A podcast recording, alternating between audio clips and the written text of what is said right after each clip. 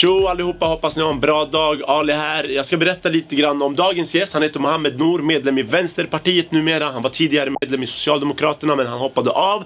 Och vi får idag höra på varför han hoppade av. Och inte nog med det så kommer vi prata om en debattartikel han nyligen släppte på Aftonbladet där han tyckte att högtiden som muslimer firar, Ramadan, slutet på den kallar vi för Eid, att det skulle bli en röd dag i Sverige och det vart kalabalik. Alla började tycka och tänka om vad som är rätt och fel och borde och vi borde inte göra. Så att han blev ganska viral där och idag får vi höra hans hans åsikter, tankar kring det hela och även en del om hans bakgrund. Och jag vill bara säga att om några dagar kommer vi intervjua Alexander Bard. Det ska bli jätteintressant att prata med han. För han står i helt motsatt till Mohammed Nour till exempel, politiker och åsiktsmässigt. Så har ni några frågor ni vill att jag ska ställa till Alexander Bard, skriv dem gärna i kommentarerna eller skicka DM till mig på Instagram, AliG himself, det vet ni redan. Vad ni tycker att jag borde fråga honom. Så gör gärna det så kan jag ställa de frågorna till honom från er såklart. Och nu har vi så pass många avsnitt inspelade så att vi har ett helt lager med avsnitt framåt i tiden. Och vill ni få tillgång till de här avsnitten snabbare än vad vi lägger ut dem på Youtube så följ oss på eh, Patreon. För där kan man betala en liten summa för att få ta del av allt material vi spelar in i realtid istället för att behöva vänta på det på Youtube. För vissa saker kommer vi prata om som kanske är relevanta nu men kommer släppas om två veckor på Youtube. Så vill ni ha det som är relevant här och nu, betala en enkel summa på Patreon. Det behöver inte vara ett jättestort belopp. Det supportar kanalen, det supportar mig, supportar våra möjligheter möjligheter att kunna göra det här och även förbättra det. Så gör gärna det, det vore ett stort plus för mig och för hela kanalen. Och eh,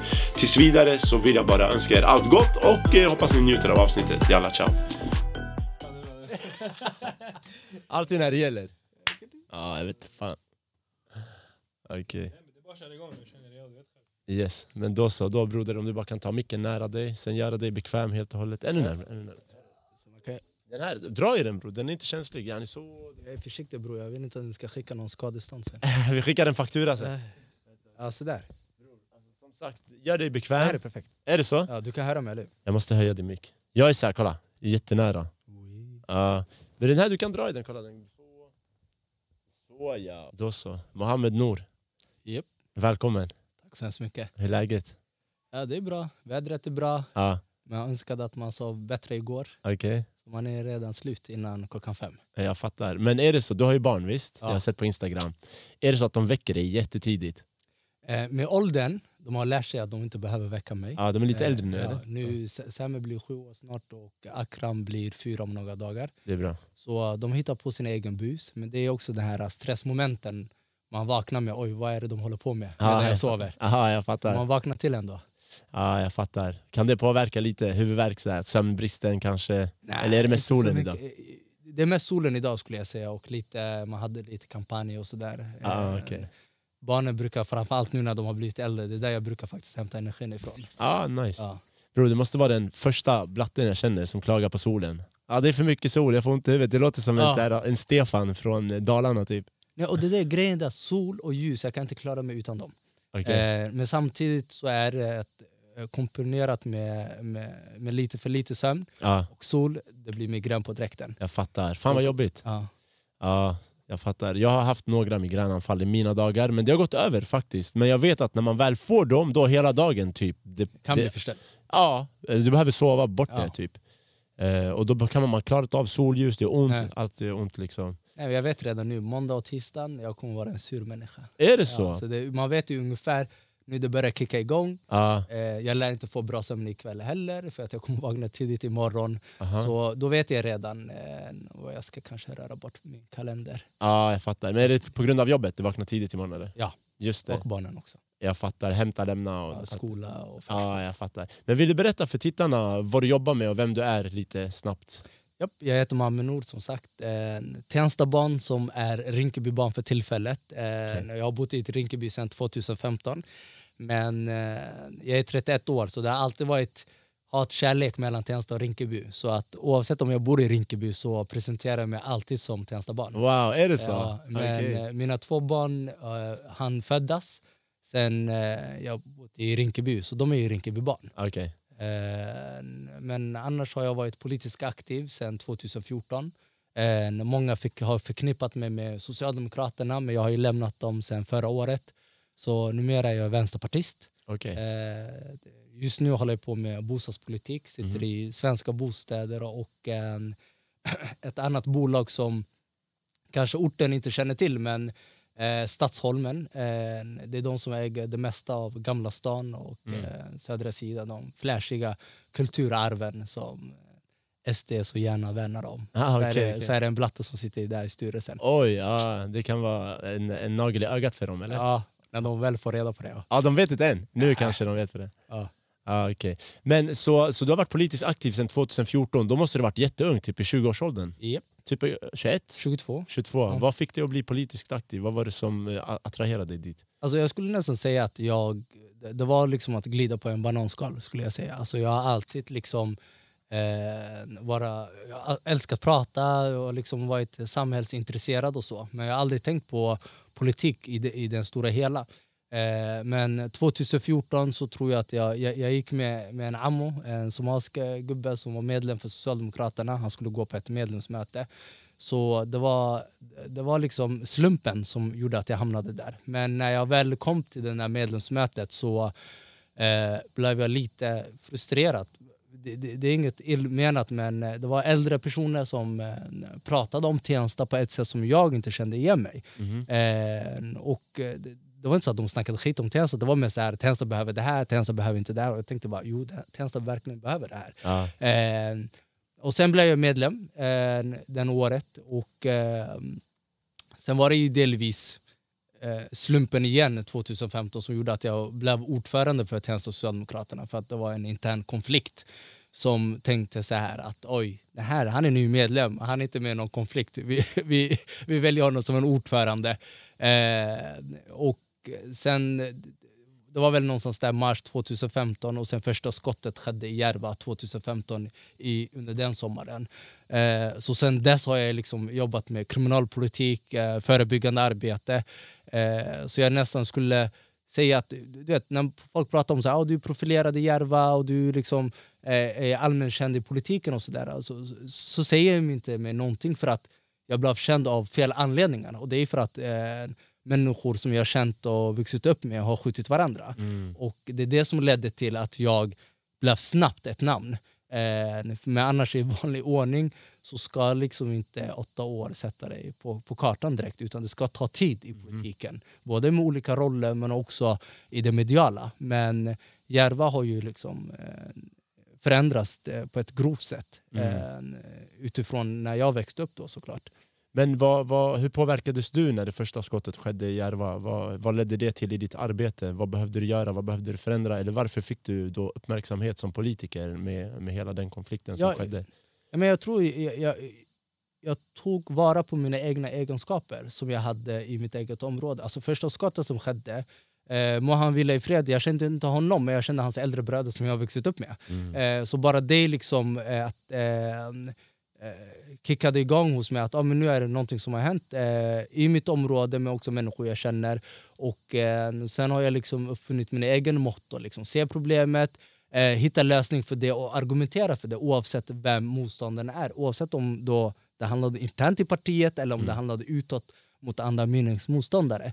Eh, så det, det är att jag, jag var ganska filterlös eh, och Sen absolut så har ju, min mamma har ju varit min största kritiker som i första början kunde se mig i tv hela tiden och säga tänk på din säkerhet. Men för mig var det liksom så här att ja, jag tar 179 när jag går till jobbet, jag hänger i Rinkeby, jag hänger i Tensta. Men att liksom komma in i politiken och sen vara tyst när du ser att ditt område förändras eh, i, i det värsta då att eh, ungdomar liksom begravs för tidigt eh, Ja. i bagatella saker om, som droger och pengar. Eh, d- d- där satte jag för mig för min egen gräns att eh, är jag mån om min egen säkerhet då ska jag lämna politiken. Just det. Men vad var det saker som du sa som fick din mamma att känna så här, nu behöver du tänka på din säkerhet? Ja, alltså det, det var väldigt specifikt en artikel som eh, 2016 tror jag när vi fick dubbelmord i Rinkeby där jag skrev rakt ut att eh, för mig finns det så här, alltså det, och det här jag, jag gillar komponera att vara både ortgrav och vara politiker. För mig, absolut, kriminalitet kommer existera hela tiden. Folk kommer beckna, liksom och, och hålla på med kriminalitet och sådär. Men för mig går gränsen någonstans och det är när mord sker. Eh, Det är att när du skjuter en grabb som du har chillat hos hans morsa. Liksom. Eh, och där går min gräns. Och då skrev jag en debattartikel där jag, i Aftonbladet då, där jag liksom, eh, påtalade för de killarna som då delvis var misstänkta för i, de första morden som skedde i Järva. Att de borde överlämna sig till, till polisen exempelvis. Och att eh, både de och jag som inte har så lång generation mellan oss har vuxit upp i dåliga förutsättningar, både ekonomiskt eh, mm. och hur området faktiskt har blivit förstört av politiken. Men det har ändå inte lett till att jag skjuter en broder som jag har vuxit upp med. Mm. Eh, som jag känner hans syskon, hans mamma, hans pappa. Så det var liksom så att jag var både på i politiken men också i orten hur jag själv såg det. Eh, och det, kan, det kan irritera mig någon gång när jag möter upp vuxna människor som säger till mig att ah, Tensta det är schysst och det är schysst i Rinkeby och Järva. Men så har det inte alltid varit. Eh, och det är eh, min skyldighet och andras skyldighet också att berätta att det här är någonting som har kommit mm. som behöver också bekämpas på olika sätt. Också att vet det, andra ungdomar inte heller hamnar i. Mm. Hur tycker du lokalsamhället börjar se på dig i, i, i samband med ditt arbete i politiken och eh, motverka just skjutningar och sådär? De, de gör mycket mer arbete än vad jag gör eh, skulle jag säga. Men jag tror också jag, jag, tror inte jag skulle klara mig utan lokalsamhället, eh, lokalsamhället i, i Järva. Eh, oavsett om det handlar om morsorna som nattvandrar eller föreningarna som existerar där dagligen. För mig, eh, alltså, jag har alltid aktat mig från att skriva en debattartikel eh, där jag liksom sitter i mitt vardagsrum och liksom tänker att det är det här folket behöver. Eh, och sen skriver jag det. Och, eh, det har jag alltid aktat mig ifrån. Utan det jag brukar göra framförallt det är liksom att gå och träffa människorna som bor i området och diskutera med dem. Eh, vilken fråga är det som idag brinner i området och sen mm. försöka skapa en uppfattning om. Eh, så, och där har jag alltid hämtat, för politik är också ett ensamt och fruktansvärd bransch skulle jag säga. Där du kan bli ogillad, hatad, hotad eh, på grund av att du står för saker och ting. Eh, så utöver min privata familj, eh, frugan och barnen och så, där, så har Järva varit ett, en, ett område där jag hämtar både kärlek och energi ifrån mm. för att jag ska ens palla hålla på med politiken. Ja, jag fattar. Eh, vad heter det? När, när du i, vad var, hur var dina tankar kring politik och eh, partier och så här, innan du gav dig in i det? Vad hade du för fördomar om just politiker? För det är många som har fördomar mm. om politiker. Mm. man säger de är antingen lögnare, de ljuger, de snackar skit. Du vet. Det är sånt som man hör väldigt ofta. Så jag tänkte, din egen eh, fördom, hade du någon sån innan du gav dig in och blev en politiker själv? då? Alltså, det finns en, en känd ord, ordspråk bland oss somalier. Varenda somalier är politiker. Ah, så okay. politik har, har funnits i vår vardagsrum hela tiden. Inte kanske nödvändigtvis svensk politik. Så det enda jag visste lite om eh, på grund av att jag var samhällsintresserad det är Olof Palme och mm. eh, eh, Fälldin i den, eh, under 70-talet och sådär. Eh, så jag hade en viss respekt upp, när det kommer till politiken. Men sen när jag hamnade i politiken så ja. har jag ändrat lite uppfattning och tänker liksom så här, shit, är det dessa människor som styr det här landet? Okay, vad, eh, vad menar du då när du säger det där? Nej, men där, justera den här lite. Så. Ja. Eh, nej, men det kan, du, kan, du kan liksom eh, träffa på en fullvuxen människa som kan ha en examen, dubbelexamen, har liksom kanske suttit i 20 år i riksdagen. Sen kan han komma, eller hon kan komma med världens korkaste idé som inte ens en 15-åring skulle komma med. Eh, så det finns... Så, så jag, jag skulle nästan säga så här, jag borde kanske ha fördomar i början. okay. eh, men jag tänker liksom så här, utifrån den frågan du ställer. Eh, det är befogat kritiken. Mm. Eh, det är befogat de fördomarna man har eh, mot politiker. Alltså idag ikväll kommer det vara partiledardebatt okay. eh, bland alla partier och, så där, och alla partiledare. Eh, och jag som har sett så många partiledardebatt har inte respekt för partiledardebatten. För att det blir snabba hugg, Varenda partiledare liksom har blivit tränad under dagen av sin parti, eh, pressekreterare och sen har det liksom bara fokuserat på vad den vill säga och sen blir det motattack här och där och sen är en timmen över. Eh, och där sitter liksom befolkningen och liksom tänker oj, är, tittar vi på en pajkastning eller, mm. eh, eller är det en eh, riktig politik som ska påverka vårt liv som partier kommer med? Eh, så jag förstår frustrationen man har mot politi äh, politiken i sin generella form. För att dagens politiker eh, har tyvärr eh, liksom blivit lite instängda i sina kontorer eh, än att vara i verkligheten. Till skillnad från när det var Olof Palme-tiden. Mm. Där kunde människor, jag, jag har träffat på exempelvis en äldre dam som var borgarråd i Stockholms stad eh, under 76, någonstans där. Eh, och då kunde hon berätta för mig att eh, på fredagar så kunde någon full människa ringa henne på telefonen. Hon var tvungen att svara, lyssna Wow. på människan, eh, vad den ansåg om Stockholms politik eh, etc. etc. Olof Palme den tiden han kunde liksom få 10 000 eh, brev som han själv svarade på. Eh, så det fanns en helt annan närhet till folket. Medan idag du måste gå igenom sex sju stycken för att komma fram till den politiken som du har valt. Om du ens kommer fram. Om du ens kommer fram för den Ja. delen. Ja, Okej, jag fattar. Jo, jag hade en annan eh, journalist här som gäst eh, faktiskt. Eh, Emil Arvidsson, han har skrivit en bok om just gangsterrap. Och han berättade till och med att när Göran Persson var statsminister så hade Timbuktu gjort en, du vet rapparen Timbuktu, han hade gjort någon text om typ Göran Persson och politik. Och då hade Göran Persson svarat Timbuktu med en egen så här eh, rimpoem Ja. typ sådär. Så att han fick svar med rap från Göran Persson också, eller någon Mm. dikt sådär som rimmade och grejer. Så att jag, jag vet inte om det skulle ske idag, att någon politiker svarar. Idag kanske man kan nå dem via Twitter, om man har tur kanske de svarar där. Eller så är det den tjänsteman som svarar. Exakt. Du vet inte om det är den som styr. Nej, hur funkar Eh. det? Har de sina egna sociala kanaler eller är det folk som styr deras? Eller vet du hur det ser ut där? De, de, de har ju sina privata eh, konton och sådär, men de officiella så är det medarbetare som hjälper till. De här med blå checkmark? Ja, ja då är det ja. medarbetare som hjälper till. Okej, och sen har de en sån ghost account typ? Där. Ja. jag fattar. När du nämner de här partiledardebatterna och att eh, det ska gå fort och man ska säga någonting catchy sådär. Tänker de här partiledarna på typ så här, kommer det här funka på internet, det jag säger? Att man tänker så här, har vi korta, snabba, bra klipp som kan gå viralt? Typ. Tänker de på sånt också? Eller är det mest att de vill framföra sina viktiga argument? Eller är det en blandning? Jag skulle säga det är en blandning, men eh, jag tror varenda partiledare tänker direkt på att eh, jag vill ha den vassaste, kaxigaste repliken som blir rubrik i Aftonbladet eller Expressen och sådär. Eh, och, och att ha den där fokuset, det, det liksom kan förstöra att liksom prata vanliga språket eh, istället för att lägga liksom en hel energi på just på en replik. Eh, samma sak är det ju med att opinionsmätningarna förut, man såg det på en helt annat sätt än idag. Låt oss säga om man skulle göra en opinionsmätning på mig eh, om Mohammed Nour liksom sköter sitt jobb i Järva eller inte och eh, folk liksom ger mig tummen ner 45 procent och då, då händer det liksom att bara imorgon jag ändrar både hela min ideologi, mina principer just för att göra op- opinionsmätningen nöjd. Ah. Eh, så jag tror också att politiker har blivit lite fega i att opinionsmätningarna kommer fram och tillbaka. Jag, jag gillar inte opinionsmätningar just för att man intervjuar 1900 människor. Svarfrekvensen kanske inte alltid den bästa. Eh, och sen ska det liksom vara representant för eh, 6 miljoner människor som är vuxna.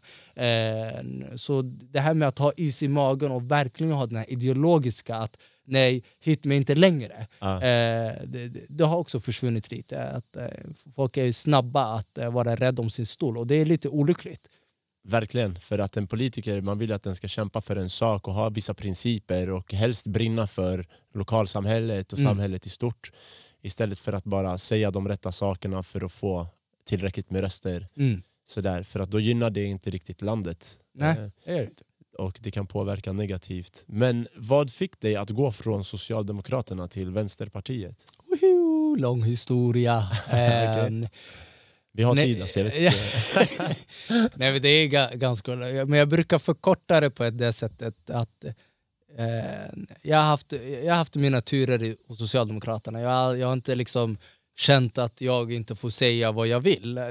Folk har haft olika åsikter om mig i Socialdemokraterna där jag inte nödvändigtvis var den som har blivit inskolad i SSU som ska liksom hålla sig till eh, partilinjen och sådär. Eh, jag, jag, jag brukar inte skicka mina debattartiklar genom pressavdelningen utan det är att har jag gjort min diskussion i Järva så skickar jag direkt till eh, Aftonblad, Aftonbladets eh, debattsida eller Expressens debattsida.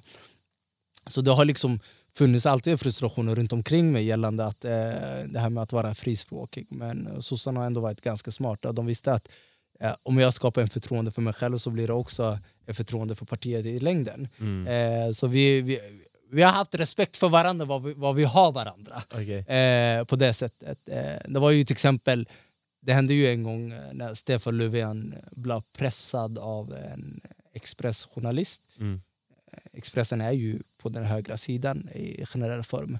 Och då, då frågade man honom så här, men om kriminaliteten, vad ska du göra? Och då sa han, ja, jag ska vända på varenda sten. Ja, men vad anser du om militärpolis? För det var då högern som föreslog det några Alltså, det är månader jävla innan. Sjukt. Och då, och då sa han, jag utesluter inte det. Och då blev det värsta rubriken om det. Hela orten blev förbannad. Ja. Och då, statsministern, en sosse, säger att han inte utesluter det med militärpolis. Och Aftonbladet hörde av sig, jag kritiserade det och jag sa det var det klantigaste uttalande jag någonsin har hört. Han började ta tillbaka den. Och då blev det en rubrik och då blev det frustration internt i partiet. Nej, men han menade inte så, det borde inte ha sagt så. Eh, det borde ha hört av sig till hans medarbetare. Och så där. Och då säger jag så här, men det spelar ju ingen roll. Han har redan gjort uttalandet. Han har redan gjort Järva, Rosengård, Biskopsgården till en främmande mark. För sätter du in militär så är det basically främmande mark. Man sätter inte in militären i, i, i, sin interna liksom, eh, land. Liksom.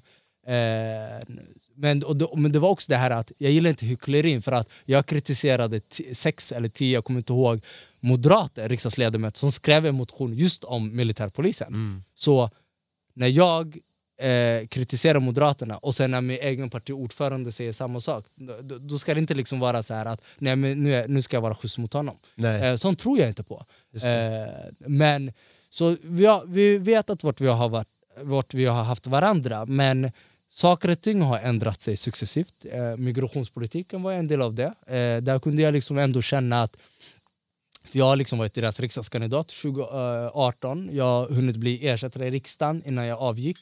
Eh, eller eh, när jag lämnade partiet. Så absolut så visste jag att migrationspolitiken har förändrats. Men från mitt sida, eh, när jag var ordförande för Socialdemokraterna i Stensta så skrev vi, med, skrev vi en motion som gick igenom kongressen där man skulle gå tillbaka till, eh, till den generösare eh, migrationspolitiken. Eh, sen har Löfven eh, inte har varit direkt eh, lyhörd eh, i den eh, och de som var runt omkring honom då vid den tidpunkten. Eh, men förändringen kom ändå, eh, nu ska jag se om jag har, 2021 är det ju, tiden går snabbt. Mm. Eh, det, det var ju liksom när Vänsterpartiet satt för första gången eh, sossarna mot väggen, de fällde regeringen. Eh, Just det, det var ju det här med eh, husen. Mark- marknadshyror. Marknads- marknadshyror. Eh, bara det i sig att sossarna förus, eh, liksom, eh, var schysst nog att låta Centerpartiet liksom köra hur de ville med dem för att de ville vara kvar i, De i behövde makten. deras eh, stöd. Eh, ja. Eh, så var det liksom bara det i sig var att vara nog kritisk mot. Men sen när regeringen föll så,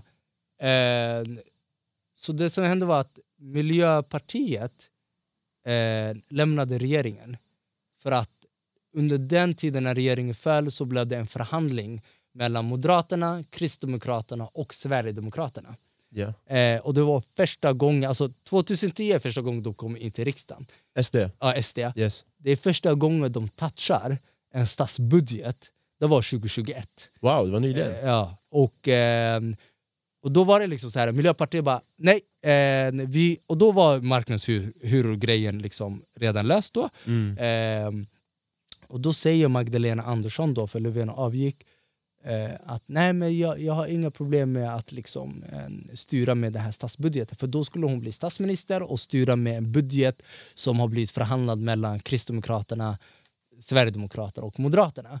Eh, Jättekonstigt. Ja, och, och, och, där, och där var det för mig så här att shit, här står hon och säger att det är inga problem med att styra med Sverigedemokraternas budget. Och ändå, för fyra år sedan, så gjorde Socialdemokraterna i januari avtalet för att hålla bort Sverigedemokraterna från makten. Eh, vad är det som har hänt? Alltså, nu borde du vara mer kaxig för att du har tio månader kvar till valet Mm. och säga så här jag, jag går i opposition. Eh, istället så börjar man prata om att det är bara 10 miljarder Sverigedemokraterna har fått igenom. Vad spelar det för roll?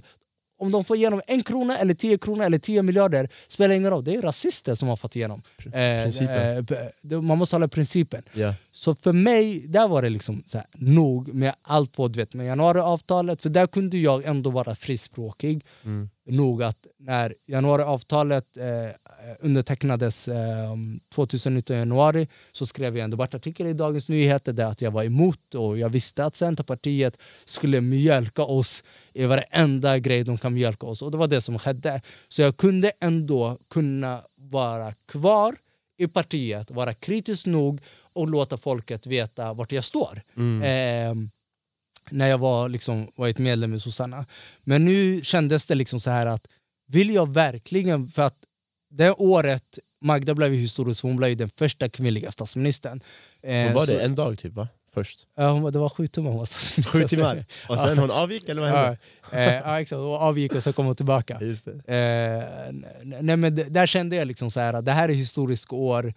Eh, allt som görs och sägs kommer liksom gå till historien. Jag vill liksom eh, både se väljarna fram, eh, i ögonen och kunna säga så här att det här står jag inte för. Och, nu var det, och då skulle jag stå på Socialdemokraternas riksdagslista också. Eh, så jag kände att istället för att lämna partiet efter valet när jag redan hasslat orten och tagit deras röster Ja. så är det viktigt att jag liksom lämnar här och nu. Eh, och sen var det också delvis för att jag har, jag, jag, har barn som jag känner att eh, solen cirkulerar runt dem. Jag är mån om vad de kan tycka när de blir 15 år och 16 år. Och då vill jag inte att eh, Samuel Akram läser någon historiebok och säger att var du medlem här när det här skedde? Liksom, eh, eh, stora skiftet. Så lite kort, mycket frustration eh, i flera olika sakpolitiska frågor. Men eh, där och då så kände jag så att nej, eh, hit men inte längre. För min del i alla fall. Men vad tycker du sossarna skulle ha gjort för att ha gjort rätt för sig i den De går i situationen? opposition. Svårare än så skulle det inte vara att ta igen valet 2022. Eh, då skulle, tror jag att de skulle liksom både ha... Det är en massa saker som var på väg som jag är överlycklig över att jag lämnade i december för 2022, hela NATO-grejen Ja. blev bara tjoff, ännu värre grej. Det är då är det människor som har varit medlem i partiet sedan 60 år tillbaka som har lämnat. Så saker och ting blev ännu värre. Okej. Eh, jag tror jag skulle få hjärtattack om jag var fortfarande medlem hos sossarna när Magdalena Andersson sa att hon inte vill att orten ska vara Somalitown eller Chinatown. Eh, så vid den tidpunkten så var yes, jag har lämnat dem. Ja. Eh, men, men jag visste ändå att det var lite hum-hum på väg när Magdalena Andersson blev partiledare för hon är höger socialdemokrat. Eh, hon har, en- det, det är två falanger som har alltid haft krockat i Socialdemokraterna. Så, eh, men jag har liksom alltid känt att eh, när Magdalena Andersson var finansminister och Morgan ändå när han är vänstersosse, när han var justitieminister så var det de som tutade in mycket i Stefan Löfven. Stefan Löfven, är, jag lovar om du blundar bror, det är en ortgrav som står framför dig. Liksom. Stefan Löfven, Ja, han är arbetare, riktig Han är riktig arbetare, liksom, uppvuxen i fosterfamilj, eh, har inte universitetsutbildning, har liksom bara liksom utbildat sig i högskolan om jag har rätt, som svetsare.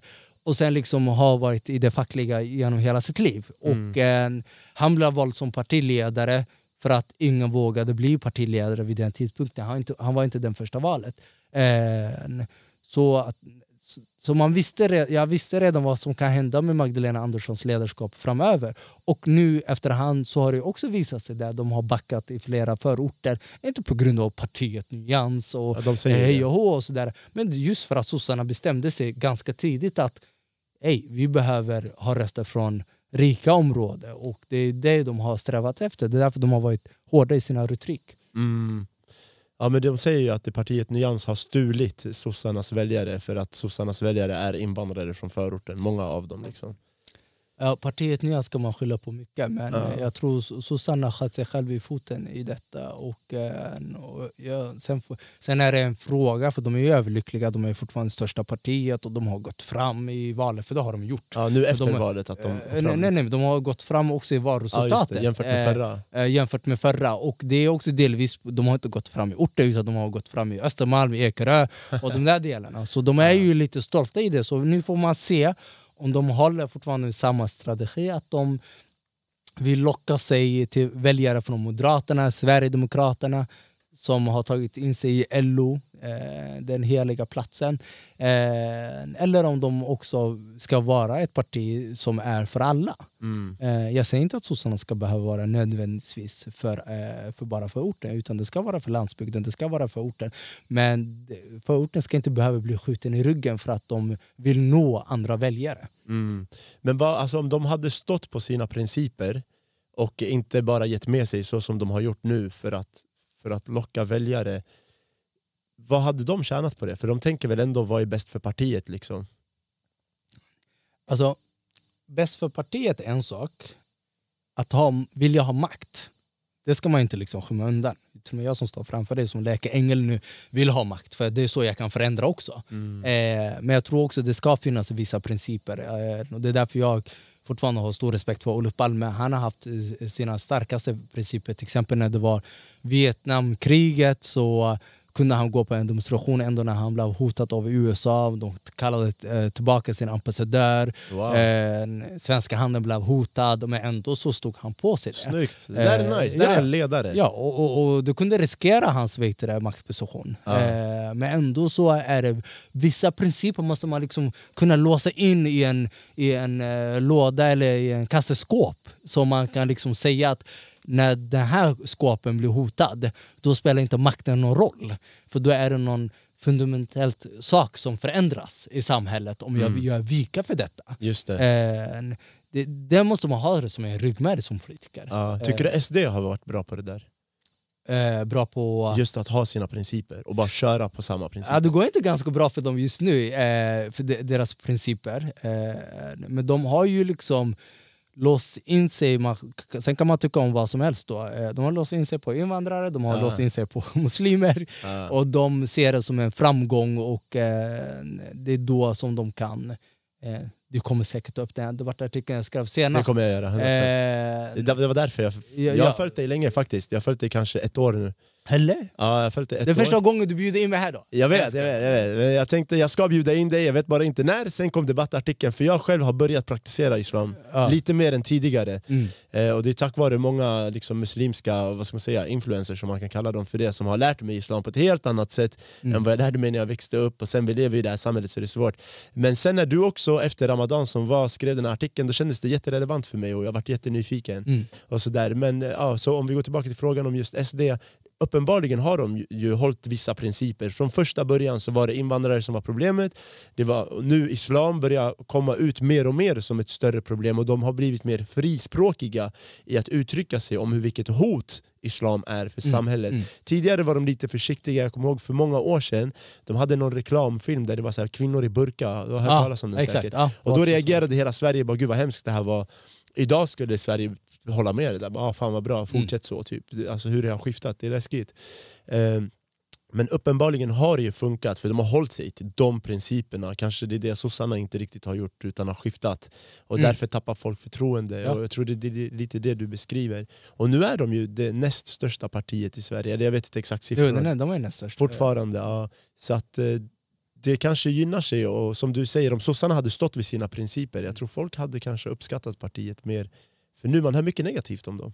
Ja, ja. Nej, men alltså, grejen är det att, och det är det som också är det klassiska, det är att eh, Sverigedemokraterna kommer ju eh, äta sina skor nu efter den här mandatperioden. För de är inte heller, de försöker låtsas fortfarande att de är det där lilla partiet som eh, Underdog. Står, eh, underdog och sådär. Ja. Men eh, de, de förhandlar fram statsbudgeten, de är en regeringsunderlag. Bokstavligen varenda krona som rör sig i det här landet så är det också Sverigedemokraterna som har haft händerna i det. Oj, så Eh, pass? Ja, och det är, det är de som har gjort Ulf Kristersson statsminister. Just det, med, Eh, sen så- hela det här Tidöavtalet. Ja, varit så de har ju en riktig makt just nu. Mycket och makt.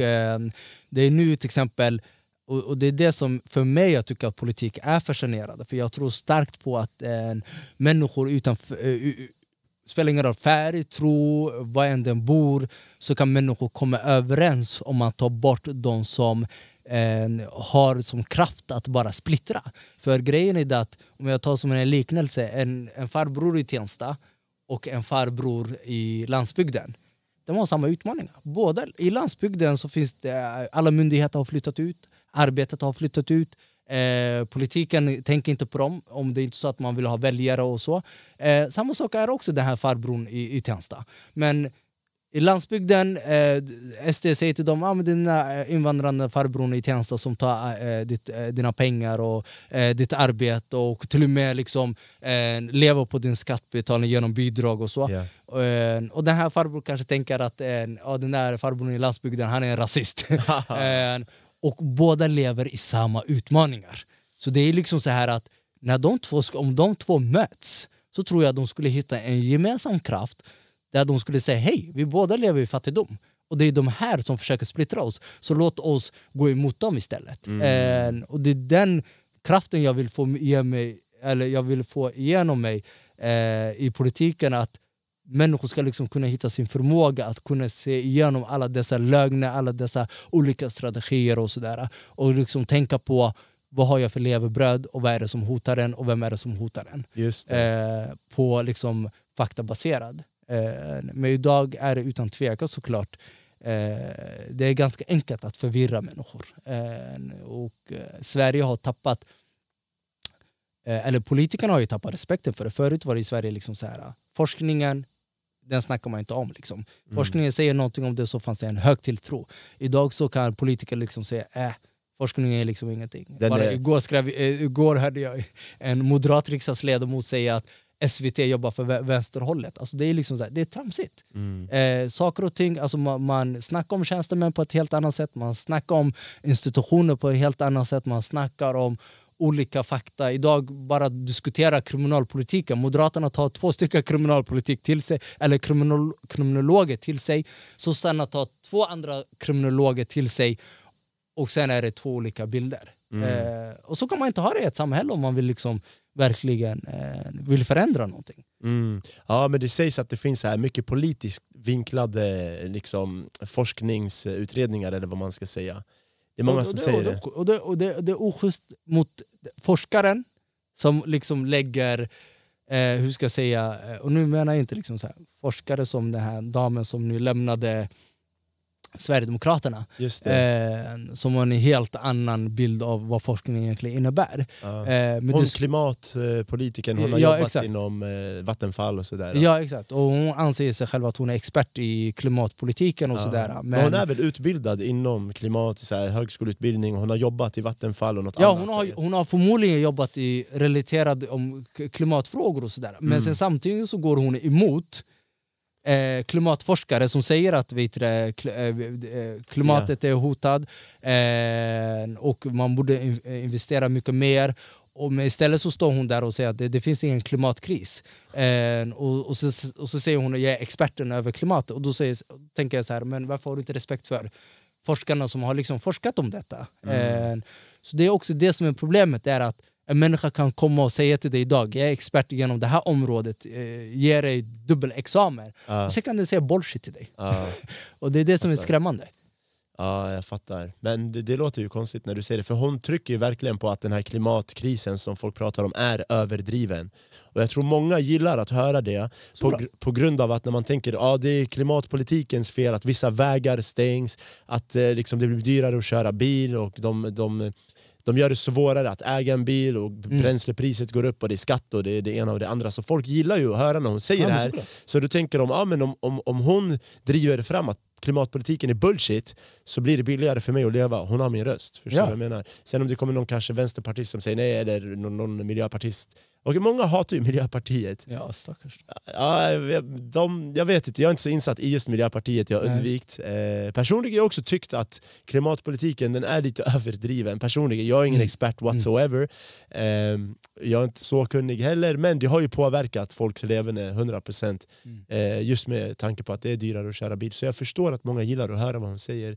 Men sen någonting skedde väl där internt eh, mellan henne och SD som gjorde att hon, hon avgick. Mm. Hon avgick. Men hur hanterar man, du nämnde innan eh, i din story här att när Löfven hade sagt jag utesluter inte militär politi- på Mm. poliser i förorten så gick du ut emot eh, partiordföranden som du nämnde Mm. och kritiserade det och då, då blir det väl någon intern konflikt. Hur hanteras det internt? Skiljer det sig från parti till parti hur man hanterar det eller finns det någon praxis överallt? Eh, Jag tror inte det skiljer sig så mycket. Jag tror att om en person bara liksom helt random, Ehm, det händer ju i Vänsterpartiet i sig också, Jag har inte direkt varit på den lata sidan eh, sen jag blivit vänsterpartist. Så det händer ju att ehm, några kan reagera eh, och liksom tänka om, men varför har jag inte fått eh, reda på den här, den här debattartikeln, den var på väg. Eh, och, eh, och sen kan jag liksom tycka så här att det är inte mitt jobb att informera dig. Mm. eh, och, eh, men jag tror generellt eh, när människor skriver utåt och den är, eh, har förtroende i ett parti så får man vissa mördarblickar, man blir lite utfryst och eh, hela den väven. Och, så, och sen är det liksom det där läget man ska liksom själv bestämma, ska jag bli påverkad av det? För då kan ju det hända så här om jag får liksom varje gång jag går på ett möte och du vet så här, jag är liksom den man inte rör och den man pratar med just för att jag har skrivit en debattartikel. Så det gör ju någonting med människan. Eh, och den blir ju liksom på något sätt utfryst. Och, eh, och då, då har ju den här personen någonting att välja på. Antingen liksom att stå på sig och fortsätta eh, eller liksom ge sig vika för att bli gillad eller accepterad, eh, hur man ska se på det.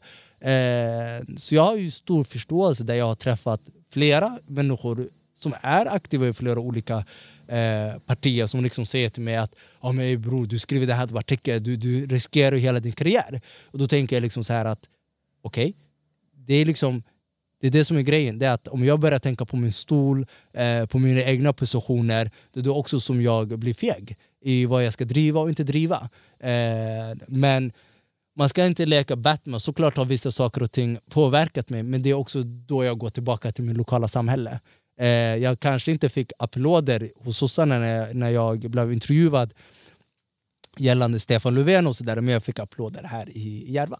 Så det, det handlar om liksom, så här, när du blir, när du blir liksom lämnad i kylskåpet Eh, gå och hitta spisen någon annan ställe. Eh, och det, det, så det handlar om att justera sig själv. Men jag tror generellt alla partier är så att eh, partipiskan existerar.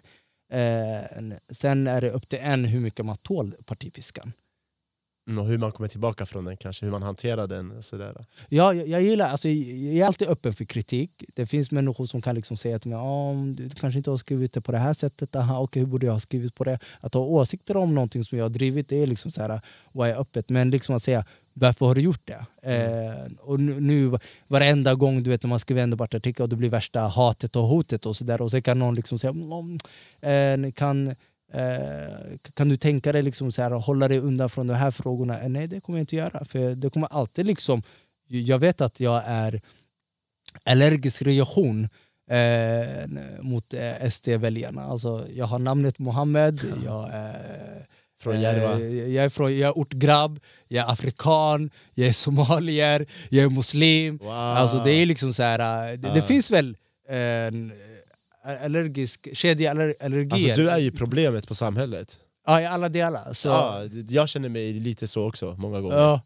Nej, men jag, jag gillade eh, när jag var med i Trolljägarna, jag vet inte om du har sett? Eh... Nej, va? Har du varit med i Trolljägarna med Robert Aschberg? Ja. Var du trollet? Eh, nej, tvärtom. Eh, de, de, de, de liksom gick igenom Flashback och hittat alla hot och hat mot mig. Okej, okay. eh, Fan, det måste vi kolla upp sen. Ja, det finns på Viaplay. Ja. Avsnitt fem, jag ska. Nej, men, eh, avsnitt fem, vi har play avsnitt vi tar det sen. Ja, eh, ja. Nej, men där var det en som, som sa på ett roligt sätt liksom så här, att bara hans namn gör mig iskall. Och då, och då var det liksom så här att oj, nu handlar det inte längre om ens, att jag för fram sakpolitik. Ja. Eh, det handlar inte om att jag kanske öppnade min mun och sa någonting på något sätt. Utan det är liksom en människa som bestämmer sig att bara mitt namn irriterar honom. Ja. Eh, så det är liksom så här att det finns en undan... Jag är 31 år bast, mm. jag kom hit till Sverige när jag var nästan sju år. Eh, Vad är det, 92 93? Jag är 91. 91? Ah, ja. 31 är du eller? Ja, jag är 31. Ah, okay, okay. Jag är också 91, jag fyller 32 i augusti. Helle, ah. i oktober, någon, någon månad efter. Skorpion eller? Ja, skorpion. Oj, oj, oj, okay.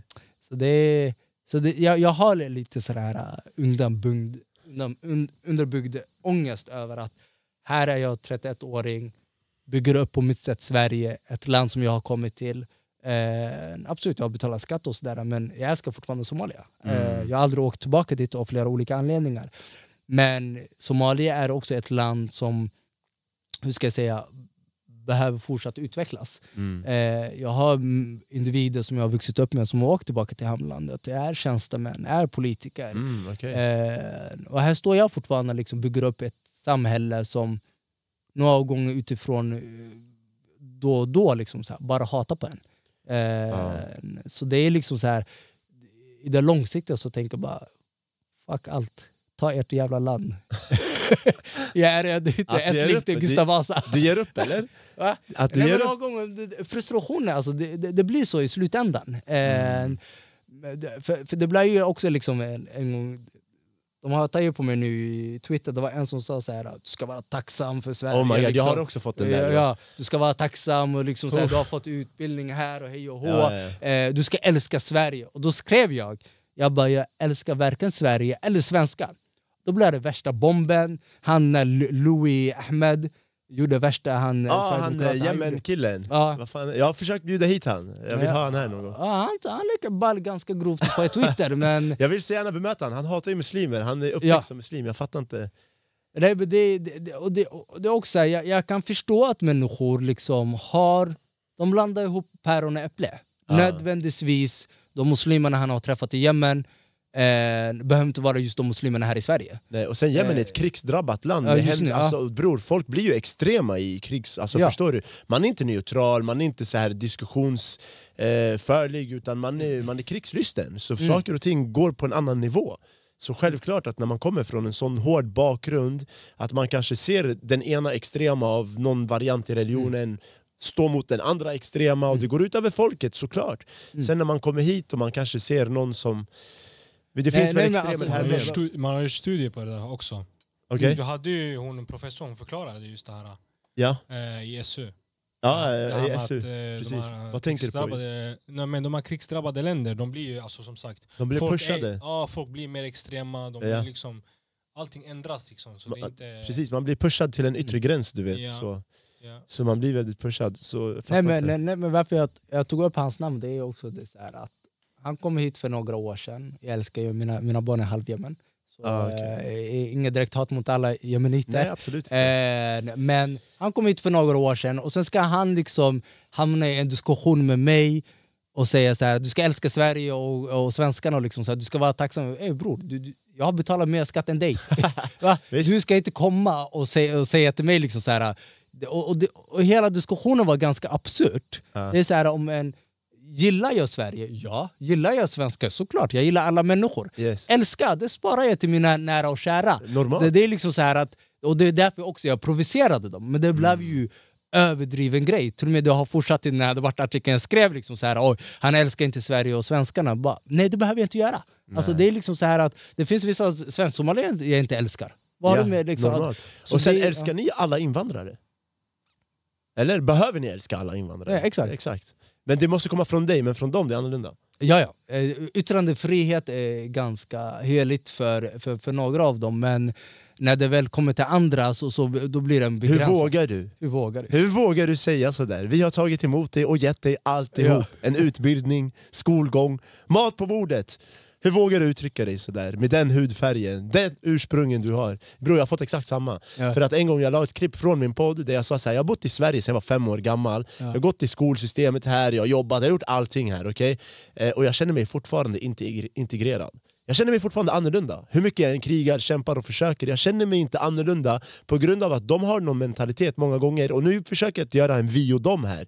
Utan alla människor har ju någon, vad ska man säga, någon natur, förstår du? Man kan säga ja, typ araber, jag är arab själv, vi har temperament. Och det är sant, vi har temperament, vi är det folket. Vi kanske är närmare till känslor. Svenskar generellt, de är lite mer kyliga, de har inte så nära till känslor. De ser sin pappa varje julafton, ger han en kram, ha det bra nu. Åke, säger han till sin pappa, förstår du? Vi har inte det där. Nej. Vi mer, vi ser familjen, vi är nära, och sen säger jag inte, nu generaliserar jag såklart. Så jag la ett klipp där jag sa så här, jag tycker svenskar är tråkiga.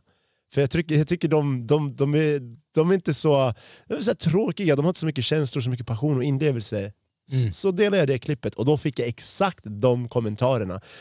Hur vågar han komma hit och säga sådär? Du vet? Och allt det här Nej, men det- bullshitet. Nej, men det, det är också det som är det här med att integrera och integration i sin helhet. Jag träffade, innan jag var politiker, jag var 19 bast, Ja. bodde i Medis, träffade på en kille som var jämnårig eh, som mig då och eh, vi var på väg till en fest och så, så frågade han mig bara ja, men var, vart är du ifrån? Jag bara, jag är från Tensta.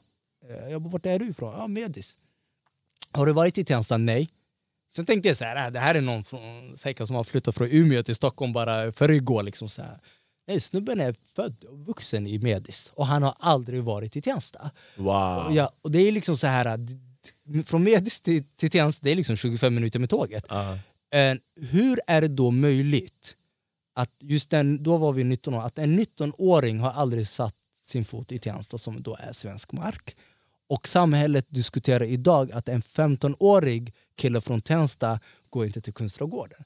Vad är det här diskussionen om att det är bara alltid en del som ska integrera sig dit? Ja. Varför diskuterar vi inte att vi alla behöver integrera med varandra för att lära sig av varandra? Ja. Eh, jag är ju också liksom, är fullpraktiserande muslim nu, eh, Jimmie Åkesson. Eh, och till skillnad från hur jag själv växt, växte upp och sådär. Ja. Ja. så det är liksom det här att jag gillar liksom en sura som säger så här att där Gud säger "Vi har- jag har skapat er alla människor i olika tribes eh, och länder då för att ni ska lära sig av varandra. Yes. Eh, jag tror ganska starkt på det och det finns någonting i det. Att jag kan inte liksom bara chilla i Tensta och tro att jag blir världsvan. Men då ska inte heller en grabb i Ekerö eller Tyresö för den delen leva i sin lilla håla i, i, vet du, i Tyresö och tänka så här att jag är integrerad för att jag är född som svensk. Eller Nej det han är lyssnar på hiphop Yasin och han tror Ja. han är integrerad, alltså han förstår sig på Ja. kulturen så, det funkar inte. Så det är det här med integrationen har ju bokstavligen handlat om ju mer tiden har gått och spelar ingen roll vilken parti det är nästan höll på att säga. Att, att det, ska, det, det var nyligen under valet som Anders Ygeman som är socialdemokrat sa att, vet du, att det ska bara bo 50 procent eh, människor med utländsk bakgrund i förorten. Ja. Eh, bara, vad, vad gör, får, får jag mer arbete om jag har en svensk som granne? Eh, blir min vardag mycket bättre? Det är inte där saken ligger till. Utan det är liksom så här, hur kan den här svenskan och hur kan den här somalien träffa varandra på ett naturligare sätt? Eh, är det för att somalierna inte kanske vill bo i Östermalm? Jo, jag vill bo i Östermalm, men kan jag köpa en lägenhet i Östermalm? Eh, det här med att, att en invandrare eller en migrant eh, eller asylsökande kommer till förorten, handlar det bara om att han vill bara träffa raka vägen eh, sin somaliska grupp? Delvis för att eh, åker jag från Mogadishu såklart ringer en somalier som bor i Sverige, "Ey, vart, vilken del av landet bor du? Men grund och botten, människan har inga pengar i fickan. Så det är inte så att han kommer köpa en lägenhet i Gamla stan, utan han går och, bo, och bosätter sig där fickan tillåter. 100%. Eh, Så det är det här att låtsas att människor har skapat sin vardag när det är egentligen politik som har skapat vardagen. Ja. Det gör mig urförbannad. Sen säger de de bygger parallellsamhällen. Det är politiken som har byggt Ja, de säger att det är Ja, vi, ja, ja, här, vi har våra egna parallellsamhällen. Men när du beskriver den här tonåringen som aldrig varit i Tensta, som är 25 minuter ifrån vart han bor, i hans egna hemland. Mm. Det är klart det blir parallellsamhälle då, och samtidigt med de här grabbarna från Tensta som sällan åker in till stan. Det är klart det blir parallellsamhälle, vad förväntar ni er? Mm. Hur, förvänt, vad, vad, hur tror ni saker och ting fungerar egentligen? Men det här som du nämnde med 50% i en förort, jag tror det är en bra idé. Mm. Faktiskt. Men då behövs det nu, det kan inte bara vräka folk utan det här kanske de hade behövt tänka på för länge sedan. För jag tror faktiskt det hjälper integrationen just för, på grund av att invandrare får lite fler svenskar i sin omgivning och kan lära sig hur svenskar är och fungerar lite enklare med dem och samtidigt får svenskar lite mer invandrare i sin omgivning och kan anpassa sig lite efter det. För anpassning bör ske. Det här ha- hatar också SD när man säger så här, svenskar behöver anpassa sig. Men det bör ske från båda hållen om vi ska fungera ihop. Nu har Sverige typ två miljoner invandrare, jag vet inte riktigt. Mm, men det är en stor siffra. Det är typ vad är det, 20% av landets befolkning. Alltså det är en femtedel, det är mycket. Om det ska funka Folkbyte. Ja. Just det, just det. Jag ska ha Alexander Bard faktiskt om några veckor och vi ska prata om just folkutbyte. Herregud. Ja. Ja, så, så det ska bli väldigt Och blippa intressant. upp den där äh, gästen, du skulle inte nämna, Vadå? vadå? du skulle inte nämna gästen. jag skulle inte nämna det, jag skitsamma. blippar det, jag blippar det. Nej, Ja, bra, kör. flippare! Jag skulle, kör. skulle säga, ska jag lämna ett eh, meddelande? På- nej, men vi ska Ja. prata om folkutbyte just eh, med honom. Mm. Men det bör ju ske från båda hållen. Alltså svenskar måste också börja anpassa sig efter att deras land är inte Sverige som fanns vid 1960-1970. Och på gott och ont, det fanns säkert vissa idéer i Sverige 1960 och 70 som var jättedumma. Medan idag är mycket bättre. Och samtidigt så kommer vi också, vi lär oss mycket bra från svenskar också och kan ta till oss. Så att det, det bör ske anpassning från båda hållen om det ska fungera för att driva, fortsätta driva den här politiken som SD har. De är problemet, deras fel, vi vill inte ha dem här. Det funkar inte för det kommer bara skapa mer hat. Egentligen. Det vi behöver göra är att lära oss hur vi kommer överens med varandra, hur vi kan lära oss att samleva med varandra. Men de, det skrämmer mig också hur den här utvecklingen börjar bara gå längre och längre och längre och retoriken blir hårdare, strängare, vassare. Hatet växer. Du vet, det där skrämmer mig. Men alltså, och, och grejen, det, är inte heller något nu grej. Mm. I, alltså historiskt sett. Alltså jag, nu, nu är ju He- He- Heidi Fredi död. Eh, Vem var det, va? ö- Heidi ö- Fredi? ö- ö- överlevaren av förintelsen. Eh, Okej. Hon som har varit eh, ganska eh, oerhört duktig på att föreläsa om judarnas situation under andra världskriget. Och, eh, det, det är den damen då som eh, Ulf Kristersson blir anklagad för att han har ljugit för henne. Eh, Just för att det, han skulle, lovade. Ja, att han skulle aldrig samarbeta. Ja, med Eh, SD. ja. För, nej, för flera år sedan så var jag med på en föreläsning som hon höll i Stadshuset.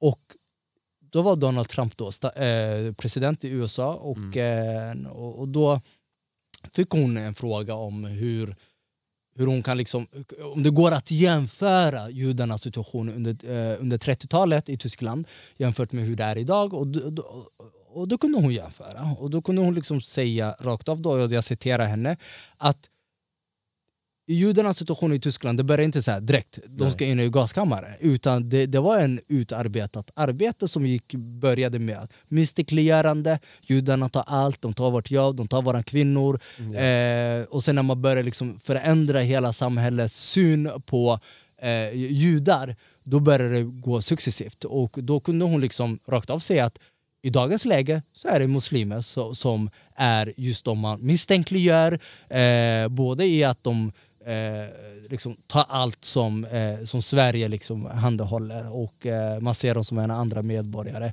Eh, och den där har, det, det har fastnat hos mig och där kunde jag liksom eh, kunna... Varenda grej han säger Jimmy, också. Det går direkt att bara hämta ett citat från, från Hitler. Eh, bara nyligen när han sa att eh, bokstavtrogande muslimer är inte svenskar. Direkt man kunde liksom hitta en citat från eh, när Hitler sa att eh, eh, köp från tyskar och, och inte från judar, något liknande.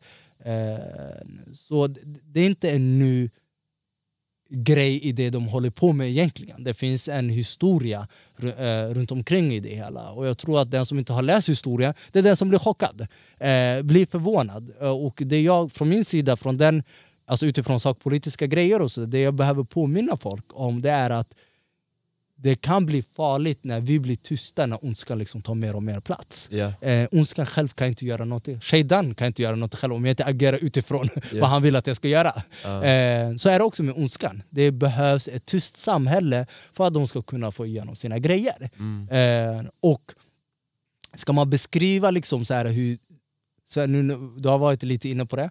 Eh, det var han som sa det, inte jag. Ja, jag tar Eh, fullt ansvar för alla mina ord här. Ja, nej, men I generellt Olof Palme-tiden, Ja. eh, han var ju förrädaren som var, född, eh, som var född i rik eh, familj. Och Klassförrädare, landsförrädare. Ja, exakt. hela den väven och blev sosse liksom, och sen blev partiordförande och hela den väven. Så han var ju mycket ha- hatad från högern och konservativa individer.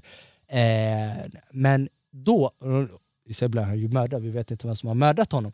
Men i den tiden åtminstone, svenskarna den blev förbannad. Då kunde den liksom bara lägga in handen här och liksom Knyta i knyta den. Eller liksom gå hem och liksom eh, prata med frugan. Och det, hans hat blev inte drabbad av andra människor. Eh, men sen Sverigedemokraterna kom in i riksdagen, då började det bli mer öppet. Eh, för det är liksom så här att kan de som makthavare som sitter i Sveriges riksdag, som är den högst beslutande organen i landet, eh, kan de säga detta, ja men då kan jag också göra det. Då tar man till våld i det, i det öppna samhället men också i de so, eh, sociala medier. Eh, så på det sättet har det liksom skett en grov eh, utveckling och det är just för att den grova utvecklingen har inte bara skett bland folket i, vet du, i samhället utan det är för att politiken har också ändrats grovt. Eh, så det, jag blev ju urförbannad när Ulf Kristersson efter när han har liksom se- segrat och liksom blivit statsminister och liksom har fått Sverigedemokraterna som regeringsunderlag och så säger han att ja, det finns en splittring bland olika folkgrupper i samhället och då tänker jag bara, men har de, har de valt själva att vara splittrade? Vem är det som har splittrat dem? Alltså det är liksom så här att du står där med regeringsunderlag som dagligen splittrar vårt samhälle och sen, säger, sen, sen lägger du ut det som att det är de som är splittrade. Eh, eller det är de som splittrar sig själva och sådär. Det det här hycklerin om den här killen, unga killen Murfat. Yes, Murhaf, eh, Murhaf, som eh, sålde majblommor. Ja, där kunde liksom Ulf Kristersson skriva eh, skäms på er som skriver hatiska kommentarer mot en uh, pojke. Bra Ulf! Men Ja. det var SD som skrev sådana där kommentarer och Ja. de är i din regeringsunderlag. Snubben försökte leka under när det var Eid, Ah. skriva, eh, säga Eid Mubarak Eid till Mubarak. svenska muslimer Ah. och ändå så är det en regeringsunderlag som säger att muslimer är inte svenskar. Men hur gör man där? Jag var ändå glad när han sa Eid Mubarak, du vet, att han Ja. uppmärksammade muslimer. Det var poliser i Malmö som också gick ut och sa Eid Mubarak. Jo, det där är ett är- jättebra sätt att inkludera en minoritet på, skapa relationer och band och kommunikation sinsemellan. Att utesluta ingen metod som funkar. Men SD som är näst största partiet, alltså har näst störst väljare i det här landet gick rakt emot dem och bara hur kan polismyndigheten ta ställning i en sån här högtid? Hur kan statsministern säga Eid Mubarak när det inte är svenskt? Det här är främmande för oss. Det ska inte in i vårt land. De ser det som eh, så här, en dålig grej. Mm. Och jag fattar inte, det är just det som skrämmer mig. Så jag tycker ändå det är bra att Ulf Kristersson talar, Jo, det var bra. eller hur? Även om han Men- nu samarbetar med dem. För att om han inte gör det, han får inte makten. Återigen, då är det sossarna som har makten. Ja, men det blir ganska skevt. Det- För mig är det liksom så här att... Eh, återigen, historia. Exempelvis. Mm. Han blev ju inte kansler av Tyskland av, för att han gjorde en statskupp. Han blev vald, snubben blev vald av demokratisk, i demokratiskt val. Mm. Eh, det är liksom högersida som släppte in honom. Ja. Sen, sen är det en annan sak, de visste att, vi- vilka horrible saker som han skulle göra och sådär. Men ändå, det är de som släppte in. Återigen, här i Sverige så är det högern som släpper in eh, minus Liberalerna som har lite hopp om att de ska vakna någon dag och bete sig Men som de har väl liberaler. inre splittringar sägs det också. Att de, Jo, de har. de strider om vilket håll de vill gå åt. Ja. Nej, men det, det, för mig är det liksom som politiker, absolut som en medborgare så är det så här fantastiskt. Första statsminister tror jag faktiskt är Ulf Kristersson som står framför en kamera och säger Eid Mubarak. Ja, det Eh, det, det kan jag liksom ge honom för en applåd. Men som politiker blir det skevt för mig att han samtidigt eh, använder retorik, tystnad talar. Eh, han måste ju kunna våga upp eh, och liksom eh, kunna säga att eh, det, här tyckte jag inte om att eh, Sverigedemokraterna sa och det här är jag emot. Eh, och ändå liksom utmana Sverigedemokraterna om de vågar avsätta honom. Mm. Men så länge han är tyst så, så känns det som att han, har- han har inga problem med att de säger det. Och vi, vi har liksom nu justitieminister som jag lyssnade på det här med angiveri, eh, lag, nya lagstiftningen där lärare och eh, sjuksköterskor ska liksom eh, avslöja om en papperlös eh, det, gömmer sig. Just det, om någon Eh, illegal eh, befinner sig i ja. landet illegalt. Och i generellt form så är det polisens arbete. Så man börjar liksom diskutera nu så här, vad händer med lärarna? Liksom så här, ska de liksom skapa förtroende med elever eller ska de ange, Peka ange ut. dem, peka ut? Eh, och ironin med det hela det är att just, eh, han heter Gunnar tror jag, justitieministern, han var Gunnar emot, Strömmer Ja? Gunnar Strömmer, exakt. Eh, och, och, han har haft andra åsikter om detta bara för några år sedan. Var emot allt det han ska driva nu. Eh, Ulf Kristersson under 90-talet, han var pro eh, eh, vet, Migration. Migration. Eh, tvärtom. Så, så människor har för, förändras i makten, eh, utan tvekan. Att förändras det tror jag är normalt som människa men jag tror också i politik så, så, så finns det utpressning. Att de kanske i lyckta dörrar bakom stängda rum utpressas. Men, utpressning, alltså förhandling finns. Ja förhandling, men man, Men, man ja. pressas i situationer Ja. i förhandlingar. Förstår du? Men det är ingen ursäkt skulle jag säga. Nej absolut. Du har kan ju pressa mig nu Mm, till att eh, ta bort en skola i Järva. ja.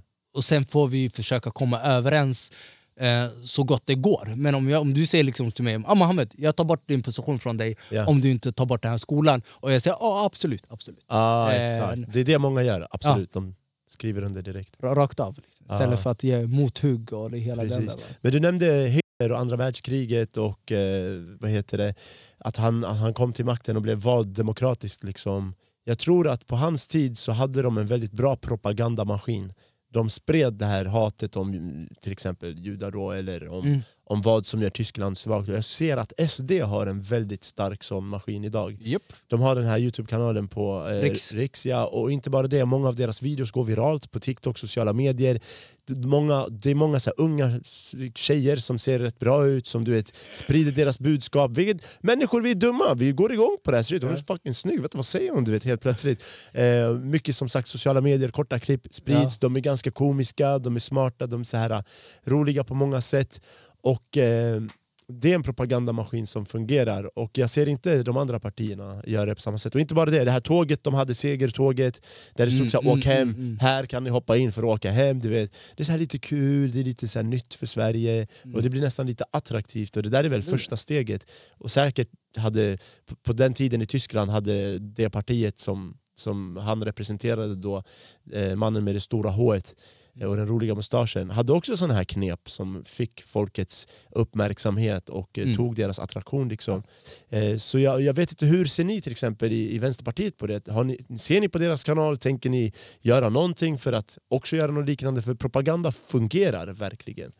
Jo, alltså, det, det, det gör det. Eh, och jag tror också det blir svårare för etablerade partier att eh, medan de håller sig till spelreglerna så finns det en annan parti som inte håller sig till spelreglerna. Eh, så, så, så där är man ju ganska försiktig. Sen är ju Sverigedemokraternas deras olika eh, kopplingar de har till vissa tidningar, Samnytt, eh, Nyheter idag och allt. Eh, vissa av dem är gratis medan du ser på vänsterinriktade tidningarna som tar betalning för, eh, för deras arbete. Så det är liksom så här, skulle jag börja med någonting, så här, öppna upp era tidningar. Låt inte människor betala för att få, de ska få liksom en, en, b- politiken till sig. Medan Riks och eh, Samnytt, att det är gratis, du får rakt av. Eh, Ja. Men de där kanalerna, det- alltså Riks speciellt, det är ju en SD-driven kanal. Ja, det, den är just eh, SD. partiet finansierar dem. Och det Ja. har vi inte i SOS eller i Sossarna eller något annat parti har inte det. Eh, jo, jag tror de har olika kanaler men sen är de ju inte det de pratar om. Eh, alltså de, Vänsterpartiet har sin Vänsterpartiets eh, Youtube-kanal. Ja. Sen huruvida hur mycket de använder sig av den är en helt annan femma. Men Ja. jag tror inte att de har det på samma sätt. Eh, det är liksom så här, idag ska vi prata om den här sakpolitiken, och då Yes. sätter vi på kameran. Men de har ju inte det på samma sätt som, eh, som på Riks. Ja, men jag måste ge dem det, de gör ett bra jobb där på Riks. Ja, ja, de- alltså, det, De det- driver opinion verkligen hårt och de får med sig och vinner mycket. Så de, gör, de drar ett stort strå Mm. till lasset om man ska säga så. Nej men det gör de. Och det, det, jag tror det att... Och sen är det ju den generella formen, oavsett vad man pratar om. Jag brukar säga att idag om det är en präst eller imam som ska prata om det härliga av livet så är det kanske 12 personer som tittar på den. Är det någon som sprider Ja. hat så är det tusentals som tittar på den. Exakt. Vi lever tyvärr i samhället där eh, människor är inte direkt intresserade av att liksom höra långdragna eh, saker om, eh, om människovärde eller mä- mänskliga rättigheter. Istället så vill man se det här draman, den här konflikten. Ja. Eh, det är frustrerande men jag tror både Vänsterpartiet, Socialdemokraterna, Miljöpartiet för den delen också har mycket att lära sig av Sverigedemokraterna när det kommer till hur de använder sig det där mediala. Ja. Eh, jag ser att sossarna liksom använder sig lite av TikTok, eh, är bra. Magda och sådär. Det är bra men det är också lite så här stelt. Det, det där är. Alltså det, det ska komma ju på något sätt naturligt. Eh, det, ska, det, det ska liksom vara etablerat av, eh, av vad människorna vill höra också. Mm. Eh, men men jag, tror, jag tror starkt på att Vänsterpartiet till exempel, de är ju så här hårt arbetande i stadshuset, Mm. i riksdagen.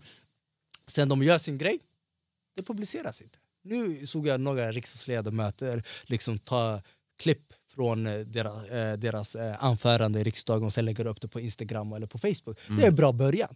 Det är liksom så här, ni svettas ihjäl bakom kulisserna men ni lägger inte fram. Exakt. Eh, så det, det finns massa saker som etablerade partier Så jag behöver. tycker det där är verkligen, ja det behöver ni verkligen. För som sagt, det var inte utan propaganda andra världskriget och Tyskland kom dit de kom. Och vi ser den här propagandan i Sverige idag med de här sociala mediekanalerna och sen whatever, Aftonbladet, Expressen och de här, det är, det är inte partikanaler. Så det blir ju bättre Mm. om, om partierna har egna kanaler, driver fram sin egen propaganda. Jag tror det blir mycket, mycket mer slagkraftigt eller vad man ska säga. Mm. Så att, jag vet inte om ni har något möte på måndag, tisdag, kanske nämn det gärna. Jag kommer faktiskt ha samtal med en partisekreterare nästa Ja, vecka. någon alltså. gång. Så det, det, det finns, alltså jag tror på att partier, framförallt nu Vänsterpartiet som jag ska tala för då, eh, behöver bli bättre på. Jag ser till exempel Nooshi Mm. eh, då och då under veckan liksom, ko- kommer 40 minuter på sin Instagramkonto. Liksom. Jag var inne på ett av dem. Ja, Ställde det- massa det- frågor. Ja, eh, sen blir det liksom, man, man väljer och sådär. Men jag tror att mer av det, men fast det är lite större. Eh, Ja, precis. Så det är, de, de, de diskussionerna kommer jag absolut föra vidare. Att det, är liksom att det behövs, inte att man, det ska bli propaganda. För grejen är det att säger vi någonting i eh, Instagram eller Facebook för den där, eller Twitter och så, där, så blir det värsta, så här, Oj, hur kunde Vänsterpartiet tycka så här? Ja, Eh, så det, det, fortfarande så är det spelregler som vi behöver respektera. ja. Eh, att man ska liksom eh, gå ut bland allmänheten och vara förtroendegivande. Man ska liksom inte prata utifrån sitt eget jävla huvud. Och det gör liksom, de mycket på Riks just. Såklart de gör. Ja. Men de växer ju. Ja, ja, men bro, om, jag, om vi börjar lalla runt som SD, det kommer bli kaos. Det kommer bli Ja, kaos. det kommer bli kaos. Det och det är också det här principerna vi behöver hålla. Absolut behöver vi bli duktigare på att komma fram med vår politik. Men det ska också finnas en viss anständighet. Mm, Det ska finnas lite sunt förnuft det. eh, i det hela. Absolut risken finns att det blir också lite tråkigt. Ja, precis. Eh, Lite politiskt och så här. Ja. Ja. Lite grått och tråkigt och så. För Mm. de här är lite mer färgglada, det är fart, det är som sagt unga människor och sådär. Så det blir lite mer attraktivt. Mm. Men eh, varför Vänsterpartiet? Från, varför valde du Vänsterpartiet? Ja du, Vänsterpartiet är ett parti som... Jag har länge liksom tyckt att deras politik är bra politik. Jag har aldrig haft liksom så här, wow, eh, dålig ideologi, dålig politik. Men sen länge har jag tyckt att Vänsterpartiet är ett litet parti som inte tar strider, eh, som alltid hotar men inte gör verkstad av sina hot. Eh, och det kan vara en generationsfråga. Och så där. Jonas Sjöstedt, all respekt, varit orten ett antal gånger och kämpat i flera reformer och sådär eh, när, han- när han satt med budgetförhandlingar med, eh, med Socialdemokraterna. och så där. Så alltså det, Men jag, allt, det är liksom så här, jag tror han har varit i en generation där när det väl kommer till krita, så här, nu lugnar vi ner oss, liksom så här, nu ska vi inte skapa regeringskris. Medan nu Nooshi, Ali Esbati eh, och flera andra, liksom, när de har tagit över ledarskapet i Vänsterpartiet så var det liksom kaos. Alltså, det är liksom så här, hej, marknadshyror, ni får inte genomföra det. Eh, LAS, a, a, a, eh, anställningsskyddet, ni får inte liksom urholka den. Eh, jo, jo, det ska vi göra. Ha, gör ni det, då blir det kaos. Eh, Ingen trodde på det. Ja, och folk kallade liksom Vänsterpartiet på ett sätt, och det är också här i Sverige, de är, fan, inte- vi, vi är bra på att opinionsbilda, det är bra. Eh, Aftonbladet har sin ledarsida, Expressen har sin ledarsida och det är ideologiskt. Eh, så då är ju flera som kallade Vänsterpartiet så här, äh, de är dörrmatta, de skulle aldrig våga, de skulle, kommer aldrig fälla sossarna och sådär. Eh, Annie Lööf som är en fantastisk människa och är antirasistisk eh, person som har tagit oerhört många strider, mer än flera partiledare ändå har urdålig ekonomipolitik som centerpartist. Eh, men det var hon som ville genomföra det här marknadshyror. Eh, när det blev regeringskris och Vänsterpartiet faller hela regeringen så ångrar hon sig och säger så här, ja, men jag tar bort marknadshyror. Eh, då kunde hon ha gjort det utan att eh, regeringen skulle fä- fälla för det. Vänsterpartiet gav dem faktiskt en eh, deadline. Eh, men ingen trodde på att Vänsterpartiet skulle våga göra det. Wow. Eh, så när de väl gjorde det så kände jag liksom så här att oj, nu är jag ändå i ett läge där jag faktiskt vill lämna Socialdemokraterna för den politiken som de har fört men också den politiken jag är orolig över att de kommer föra. Eh, och nu börjar jag se att Vänsterpartiet börjar bli modiga och sådär. Eh, så jag hade en snabb eh, samtal med Aron då, som är partisekreterare. Och jag var ganska ärlig om det. Att jag liksom sa för tre år sedan, fyra år sedan skulle jag inte bli medlem i Vänsterpartiet. För att de hade en fantastisk politik men sen som de inte vågade gå all in på. Mm. Och det ser jag förändring på det och det tror jag också att folket eh, ser Vänsterpartiet på ett helt annat sätt som, eh, som tar strider och som inte är den här lilla partiet som alltid ska stödja Socialdemokraterna. Just det. Men eh, Vänsterpartiet har väl vuxit i, tillsammans med att Nooshi har varit partiledare? Ja, den, den har framförallt vuxit här i Stockholm, eh, framförallt i förorten. Eh, också. Så det finns ändå eh, lite hopp. Och, och det, det, när regeringen föll, och sen finns, det, det är alltid så intressant att människor kan, hon fick ju ganska stort förtroende från högerns sida, väljare också. När, Ja, när, ja, Nooshi. För att eh, alltså, det finns några moderater som bor i hyresrätter. Alltså, det, är så här, Just det här med att du vet, moderaternas väljare är rika, det är, hälften lever på lånade villa, lånade bilar. Så det, 100%. det, det är ändå en liten skala som är riktigt, riktigt, riktigt rika i det här landet. Eh, Så många blev ju ganska oroliga över marknadshyror för det är ändå tre miljoner hyresgäster som skulle bli drabbad. Så många respekterade ändå Nooshi att hon gick all in på att eh, försvara de där tre miljoner människorna. Eh, så det höjdes för tillfället och sen föll det lite efter när hyresgästernas rättigheter blev försvarad. Men sen gick de tillbaka till sin ideologiska Just det. övertygelse. Men absolut, jag, hon har ju tagit fram eller har varit också en bild, såklart är det massa människor också runt omkring henne som har kämpat för det. Yes. Men hon har ju tagit fram de här bilderna att vet du, Vänsterpartiet ska man inte jävlas med. Nej, och det, det är starkt faktiskt. Men det, går, det, det sägs också att Vänsterpartiet är kommunister. Har varit kommunister kanske? Ja. Eller är kommunister? Nej, äh, har varit. Ja, jag, vet, jag, men jag, också skojar, man, jag skojar bror. ja. Jag skojar. Vad Nej, skulle nej. du säga om det? Äh, en, en, alltså, alla vet ju historiskt att de har tagit bort sin K. Ja. Eh, förut eh, så var de ju, som hade de ju, vad är det, slut, mitten av 90-talet, minns inte. Det är mitt roll heller att minnas, jag har bara varit vänsterpartist ett år. Mm. Eh, men i alla fall, de har lämnat eh, det här eh, kommunisttänkande och allt det hela. Och så där. Absolut kan man belasta dem det fortfarande historiskt att de har varit en del av kommunistiska ideologin och så. Mm, mm. Eh, sen, men är det något som präglar idag? Nej såklart Ja. inte. Nooshi har varit ute antal gånger och liksom, eh, sagt att, eh, att det inte präglar. Eh, och, eh, men, men sen är det fortfarande människor som ältar om det. Att Mm. eh, Vänsterpartiet har en gång i tiden varit. Eh, det får de fortsätta göra det. Ja, det finns folk som kallar mig kommunist. Mhm. Eh, För att du är med i bara Vänsterpartiet? för att jag är med i Vänsterpartiet. Och så bara, eh, kom igen, eh, mitt eget hemland har varit kommunist i hela större delen av eh, 70 och 80-talet och sådär. Mm. Så, eh, och den har blivit förstörd på grund av funkat. so- Sovjetunionen. Liksom, som har varit en del av eh, eh, som gav stöd till Siad Barre som var president av Somalia. Eh, som var själv. Så Mm. Kommunist är inte min grej, men jag förstår att Vänsterpartiet är fortfarande belastad av eh, Den den där- historien kanske. historia. Men vad då? SD var ju en ny rörelse för många år sedan också. Ja, men det, är det, och det, och det är också så här att det är då diskussionen kommer upp med att Vänsterpartiet är kommunister när Ja. man börjar liksom skala på vet du, det, vad Sverigedemokraterna Men det är stort skillnad. Det är inte liksom så att Björn Söder som idag vävar mot allt och alla i Twitter, snubben har liksom stått bredvid en SS-soldat. Va?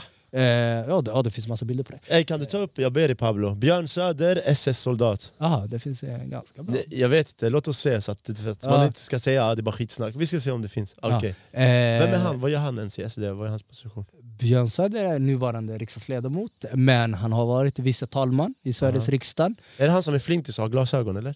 Ha- han kanske har glasögon men han är flintis. Var det han som var i någon Europa-grej nyligen? Ja, i- Med Polen, Ungern? japp. Bro han skrämmer mig den här Han shunon. har sagt att judar är inte svenskar. Okej. Eh, så Ah, ja. judar och samer är inte svenskar har han sagt antal gånger. Ah. Men, det, nej, men för att komma tillbaka till saker, det är ju liksom så här att när man börjar prata om eh, liksom, Sverigedemokraterna, de är nu nazister och så där, Ja. det är liksom så här att det är nyligen. Alltså, Det är ny- så här- 90-talet. Ja, och det är, och det är liksom så här, fortfarande som har de flera företrädare som vet det, gör olika uttalanden som man kan säga direkt det kom från, eh, från eh, nationen.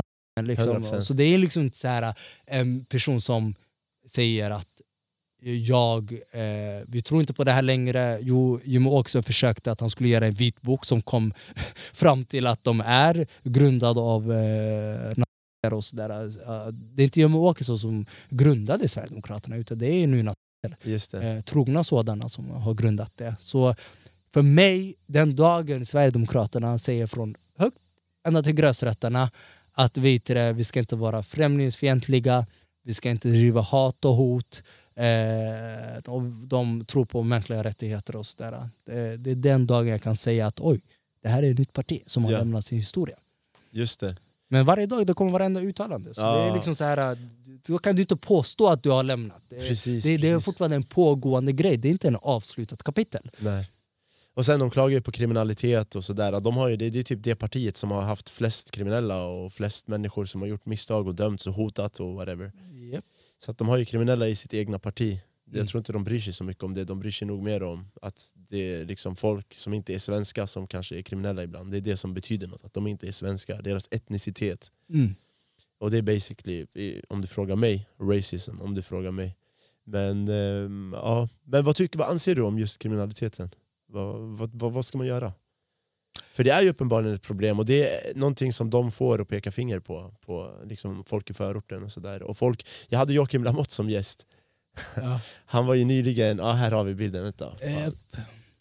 Så det- vad står det här? uh, bilden ser vi SD, partisekreterare Björn Söder och SS-veteranen Frans... Lycka till med efternamnet Oh, bror, 1998. vad fuck står det här? Schönbuner. Bra, bomman, det där låter riktigt. Han har jämställt islam med... Gå ner, scrolla ner, vad är det där för något? Det är alla så här saker. Det är, det var så. Är det allt som han det är har en gjort? artikel från Expressen. Ja, om just han eh, eller? Om, ja exakt. Vem är han det? är och vad han har gjort. Ja, nio saker vi inte, kan, eh, vi inte ska glömma att Sveriges andra vice talman sagt och gjort. Sen det är så här olika saker han har sagt och gjort vet. Ah, okay. ah, det var Eh. inte han jag tänkte på, jag tänkte på någon annan. Mm. Vad står det här? Vad står det? Låt oss läsa, vänta, låt oss läsa. Gå upp där, vad står det? Han har sagt Att han är för för dödsstraff. Okej, wow. Okej. Han har jämfört homosexualitet med att ha sex med djur. Okej.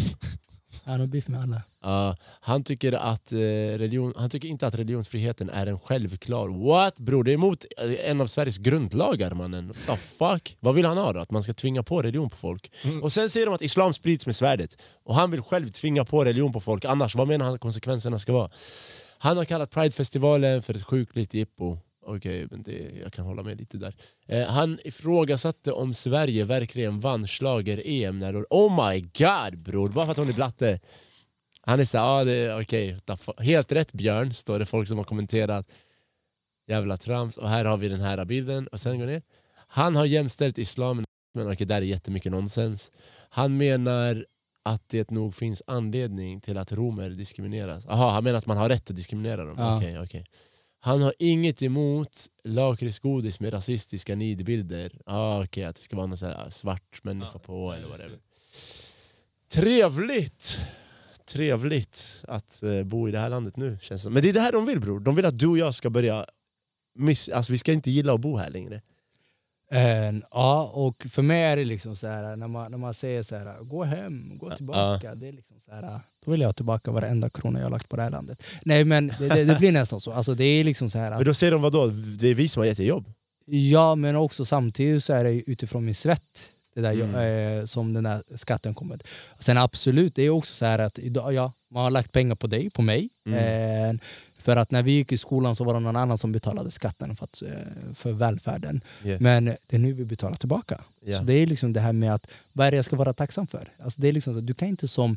Eh, för nu är det generalisering såklart, eh, men det är när man träffar på en rasist som är 75 år och säger liksom så här, gå hem och bla bla bla, du gör ingenting. Jag bara, men det är jag som betalar din sjukvård idag. Mm. Du jobbar inte längre. Ah, din pension räcker inte till idag. Så att, att du ska liksom gnälla på människor som idag vet du, betalar för att Sverige ska gå runt och sådär. Det är liksom... Eh, så, det, så det här med att jag är inte intresserad av Sverige som sin helhet. För mig spelar det, för mig spelar det liksom ingen roll om det är liksom så här att jag bor i Östermalm eller i Rinkeby och sådär. För mig är, de får jättegärna älska varenda mark, eh, kulturarvet. Love your country. 100%. Det, det, det, är inte, inget min- fel. det, det är inget fel med det. Liksom. Jag tror också vi är, jag vet inte vilket land kommer du ifrån? Irak. Irak. Ja. Ja. Irak, Somalia. Vi älskar våra länder. Det är liksom så här, don't touch my flag, Ja. don't touch mitt land. Det, det ska finnas en sån där respekt. Jag har aldrig haft någonting emot det. Men försök inte liksom misstänkliggöra mig som gör lika mycket arbete som dig. Liksom. Mm. Eh, och, och, det, och det är det här att jag tror vi hamnar, vi som har ändå utländsk bakgrund, att vi hamnar i det här att vi har lagt hela vårt energi och eh, vår egendom, vår, eh, vår hela ungdom, eh, vår mest aktivaste, för vi är båda 91 år, det är liksom, en människa är mest som aktivast 30 till, vad det, till 45. Mm. Eh, och det lägger vi på här. Och sen är det ändå en människa som säger till mig, du är inte värd att liksom ha... Och för mig är det liksom så här, betalar du skatt så är du delägare av Sverige AB. Ja. Så det är, det, det är det här, rasismen kommer det försvinna? Nej, det kommer det inte göra. Men jag tror också så här att då, får jag, då vill jag vända på den hel, helheten. Där. Istället för att bara påpeka att det finns rasism i Sverige så försöker jag ge ändå mitt område som Järva förmågan att liksom stå på sig själva, känna att oj den här polisen, eh, den här sjuksköterskan, eh, den här läraren det här landet den snurrar för att jag betalar skatt. Mm. Den ska liksom inte ducka sig i sin lilla hörna för att eh, andra anser att de borde vara andra medborgare. Mm. När vi hittar den där styrkan inom oss så tror jag också att eh, vi kommer ta mycket mer över i Sverige och den här folkbyten som Sverigedemokraterna pratar om. Ja. Eh, så det, det, det är liksom så här att, att försöka göra det till... Och det, och det finns en liten, nu ska jag inte gå in för mycket på det, men det finns en liten touch på att ja, Sverige, eller etniska svenskar, inte föder kanske lika mycket eh, barn som Mm. eh, de med utländsk bakgrund och sådär. Och det, kan man, det är kanske det som oroar dem. Eh, folk säger till mig att namnet eh, Mohammed, det finns många Mohammed och sådär. Alltså jag fick, fick kolla upp det, jag tror vi är 15 000. Skrev jag på Twitter att målet är att bli 100 000. Haha, vad kaxigt bror. ja, Det kaxigt, man får alltså. provocera då några gånger. Det För jag är så, jag. Efter tio år bror, Ja. man blir trött. 100%. Man blir trött. Att, att ta åt sig både hatet och hotet. Många människor frågar mig hur orkar du? Det är liksom så att jag ser dem som de är. Rädda Ja. människor som är rädda för sin egen skugga. Eh, och det är liksom... det- Man, man, får, man får ta det med ro. Ja, eh, jag måste bara nämna en sak som hände mig idag faktiskt. Ja. Det var det sjukaste. Och det, alltså jag vet inte varför. Jag gillar ändå politik, jag är intresserad av det. Det är som du säger, alla somalier är politiker Ja. någonstans. Jag är också politiker någonstans, förstår du? Men jag lever inte det livet. Jag är bara intresserad. Och det här är så sjukt. Jag satt och fika med en kompis i, i Sankt Eriksplan, det var soligt så där. vi satt och fika och käkade frukost. Bakom mig sitter en människa och jag hör den här, min kompis skulle gå in och hämta sin mat, det skulle värmas och han skulle få sin kaffe. Så han gick in, jag satt där ensam chillade. Och då hör jag en kvinna säga så här äh, helt sjukt, jag vet inte varför jag hörde det här, men hon säger så här, hon bara hon bara, ah, de kommer hit och försöker ändra på vårt land så att det är lite mer likt deras hemländer. Och hon bara, i deras hemländer så tvingar de på kvinnor slöja. Har de inga slöja, då är de slampor. Och då har de rätt att våld. Du vet, jag vet inte ens säga det Mm, ordet, mm. men hon sa verkligen det, literally. Då, är det så här, då får man gå fram och göra det på dem. Och jag kollade på henne, jag bara, fuck säger hon mannen? Mm. Det är basically min kultur hon pratar om. Eller vad hon Ja, tror är min kultur. Så jag ville bara säga till Urs ursäkta mig, vad, vad fan säger du? du vet? Sa du det då? Nej, jag sa du bara inte det. Pallar inte. Nej jag var såhär, vet du vad? Jag ska, jag, ska inte, jag ska inte låta det förstöra min dag. Bror, jag hade gjort värsta scenen där på plats framför alla, diskussion direkt, vilket jag kanske borde. Men, för hon är så ignorant. Hon är så, jag undrar, har du varit utanför Europa i hela ditt liv? Men bror, det är det, det är det de säger till folk. Det är politikerna som säger sånt Jag till vet, folk. Och det, är det, media- som- och det förstärker deras... Eh, det, det förstärker deras tanke om att... Alltså, slöja för mig. Jag, jag har varit med i den debatten för några år sedan. Jag tror jag var med idag. Hon var hon, ehm, partisekreterare för Liberalerna som vi har hamnat i debatt i Opinion Live. Och då var det liksom så här att i förorten så finns det liksom så här att eh, man ser ner på kvinnor och allt det hela. Det finns idiotiska män i varenda jävla land, i varenda jävla kultur. Det kan jag hålla med om. Eh, det finns vissa kulturer i vissa länder eh, som tvingar på tjejer och killar, eh, vadå killar? Tjejer på slöja. Eh, det kan jag hålla med om. Men är det det som religionen förespråkar? Nej. Exakt. Du kan liksom inte tvinga en människa att tro på Gud. Du kan inte tvinga en människa att sätta på sig slöjan. Jag själv kommer från en släkt där några har slöjor och där några inte har det. Mm. Försök inte göra det till liksom så att det är religionen som påtvingar en. Nej. Och det finns människor som, jag kommer aldrig glömma bort, sorry syrran, jag kommer inte säga hennes namn. Min, min, min stora syster hon ville liksom beslöja sig. Eh, sån här lång, men inte täcka hela ansiktet. Farsan ville inte att hon skulle göra det, men hon ville göra det. Just Så det var liksom så här att då i samhällets ögon så är det någon man som har tvingat på henne. Ja. Eh, och att försöka göra det till något muslimskt är ganska frustrerande för jag tror det är mycket abrahamisk religionerna Ja. som nunnor idag har. Varför pratar vi inte om det? eh, att nu Just när det. du vet det döljer sin ansikte. Det, Eller sitt, Ja, sitt hår och så. ja, ja. Eh, så det är liksom så här att just när man pratar om muslimer så är det fritt fram att liksom Ja. säga att de tvingar sina ungar Yes. på, på slöjor och så. Och att generalisera, för mig är det vissa kulturer, hedersmord, fruktansvärd sån grej, Mm. Då har det blivit en muslimsk grej. Mm. S- Svensk somalier har inte till exempel hedersmord. Nej, just det. Eh, men då har liksom alla muslimer gör hedersmord förmodligen då. Alltså det är liksom det här generaliseringen är så jäkla grov. Och, det, och, och att försöka komma och lägga sin nyans på det, det, det är inte värt mödan längre. Nej. För folk är så jäkla trogna i sin övertygelse.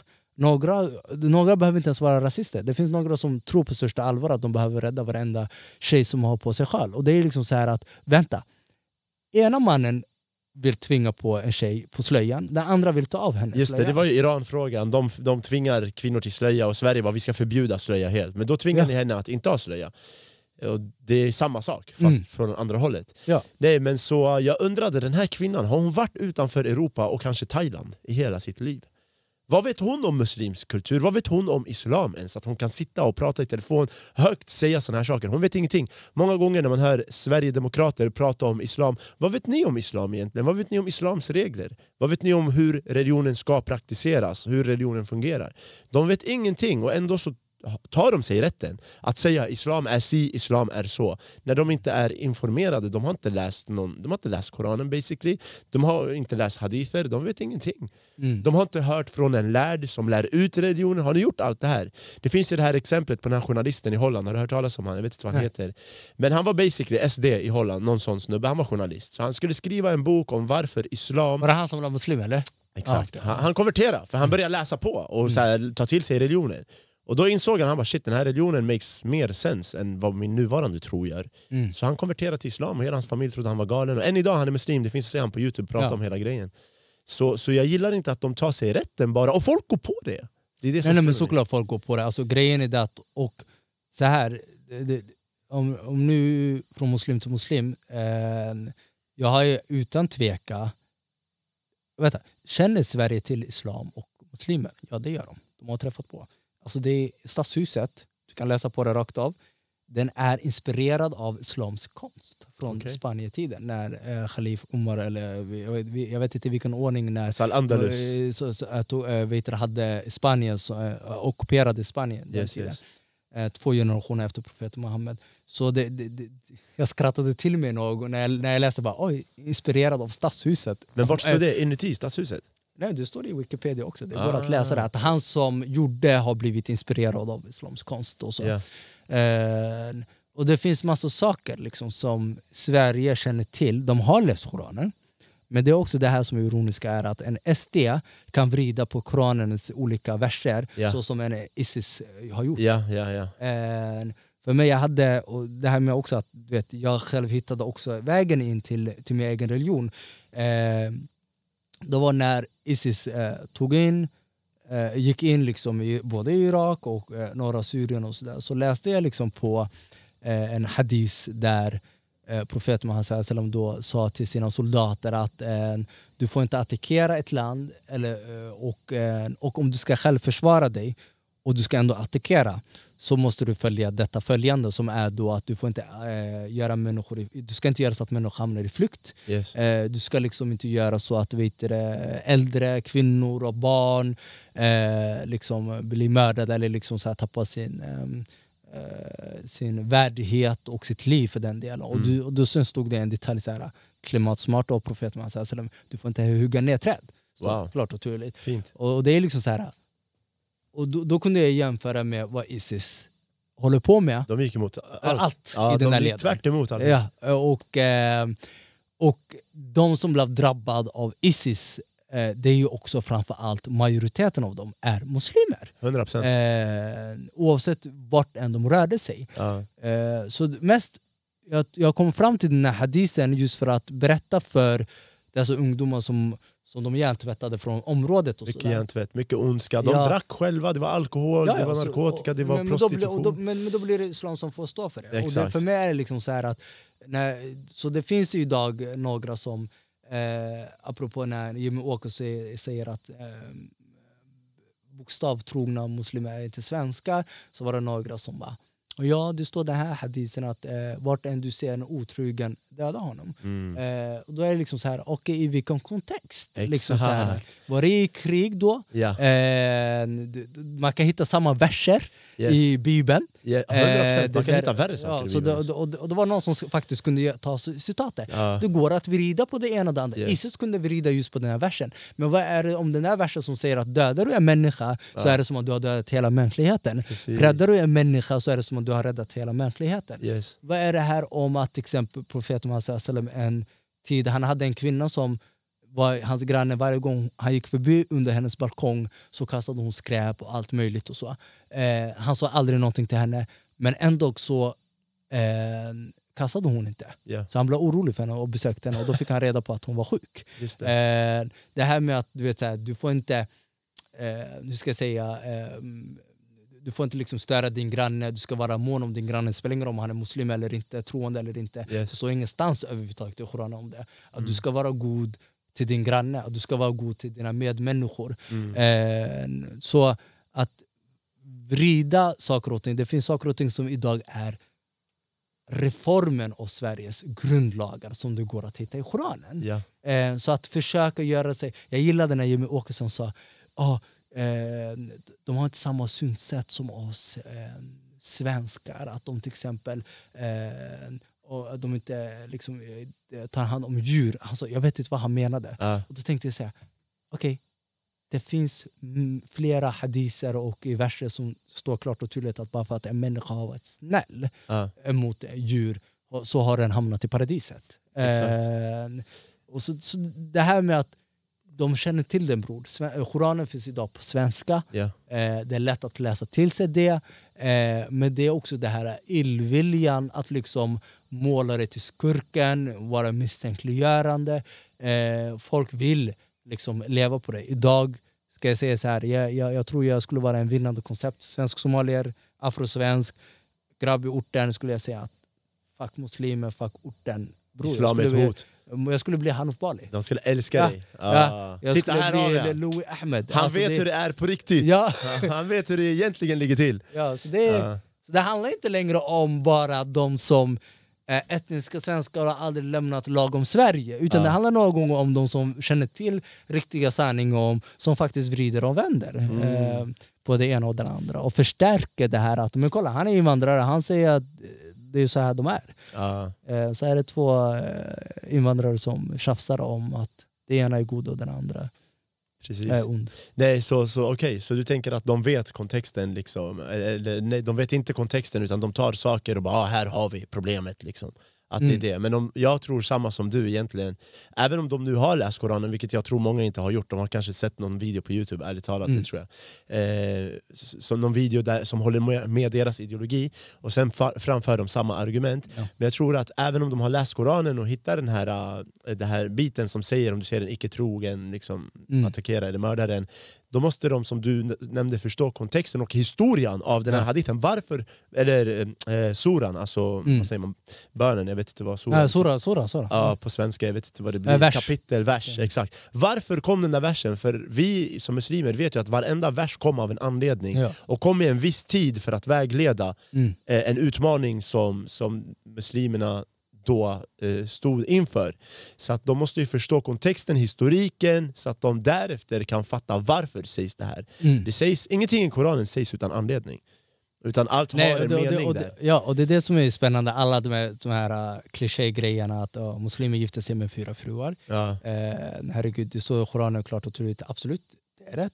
Det finns människor som gifter sig med fyra fruar. Men då står det liksom så här, gifta med en kvinna, ett, två, tre, fyra. Om du klarar av det ekonomiskt, om du Exakt. kan liksom vara rättvis mot dem, om du inte Yes. klarar av det, stanna till en. Så det är, jag är så här, jag som eh, det, det finns i min community där det finns kanske en som har två eh, fruar eller tre fruar.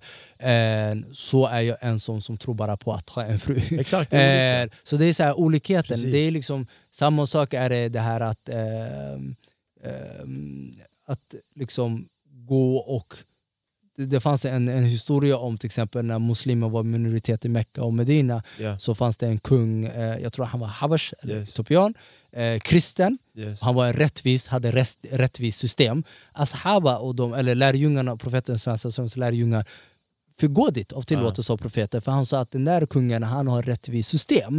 Gå dit, dit och du, du, ni ska, ni ska liksom vara också eh, följa hans lagar, eh, vara mån om det. Så det är påbudet av vår religion att liksom att när vi kommer till Sverige så ska vi följa lagarna. Exakt, och Men, så, respektera. ja, så det här med att när de liksom säger så här att ja, de kommer hit för att förändra oss, de skiter fullständigt av våra lagar och för att göra det till sharia-lagar. Nej, jag får inte det. Nej. Ja, alltså jag får inte komma till ett land och göra om det till sharia-lagar. Utan det är att jag måste, om jag vill ha välsignelse av Gud, följa de lagarna som vet det, är rättvisa då såklart. och samtidigt ha rätt till att göra din röst hörd och så vidare. Ja.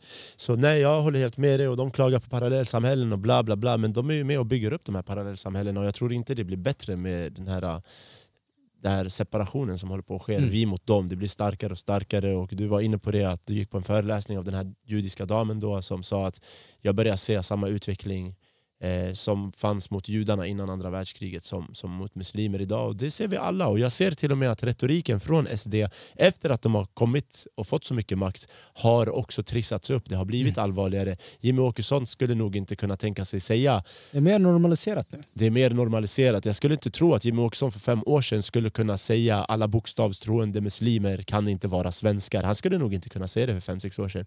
Men idag är de i en så stark maktposition, de har så pass många följare så de är mer bekväma att säga sådana här saker. Så Gud vet att om tio år, vad kommer de vara bekväma med att säga då? Vad kommer de vara bekväma med att göra då?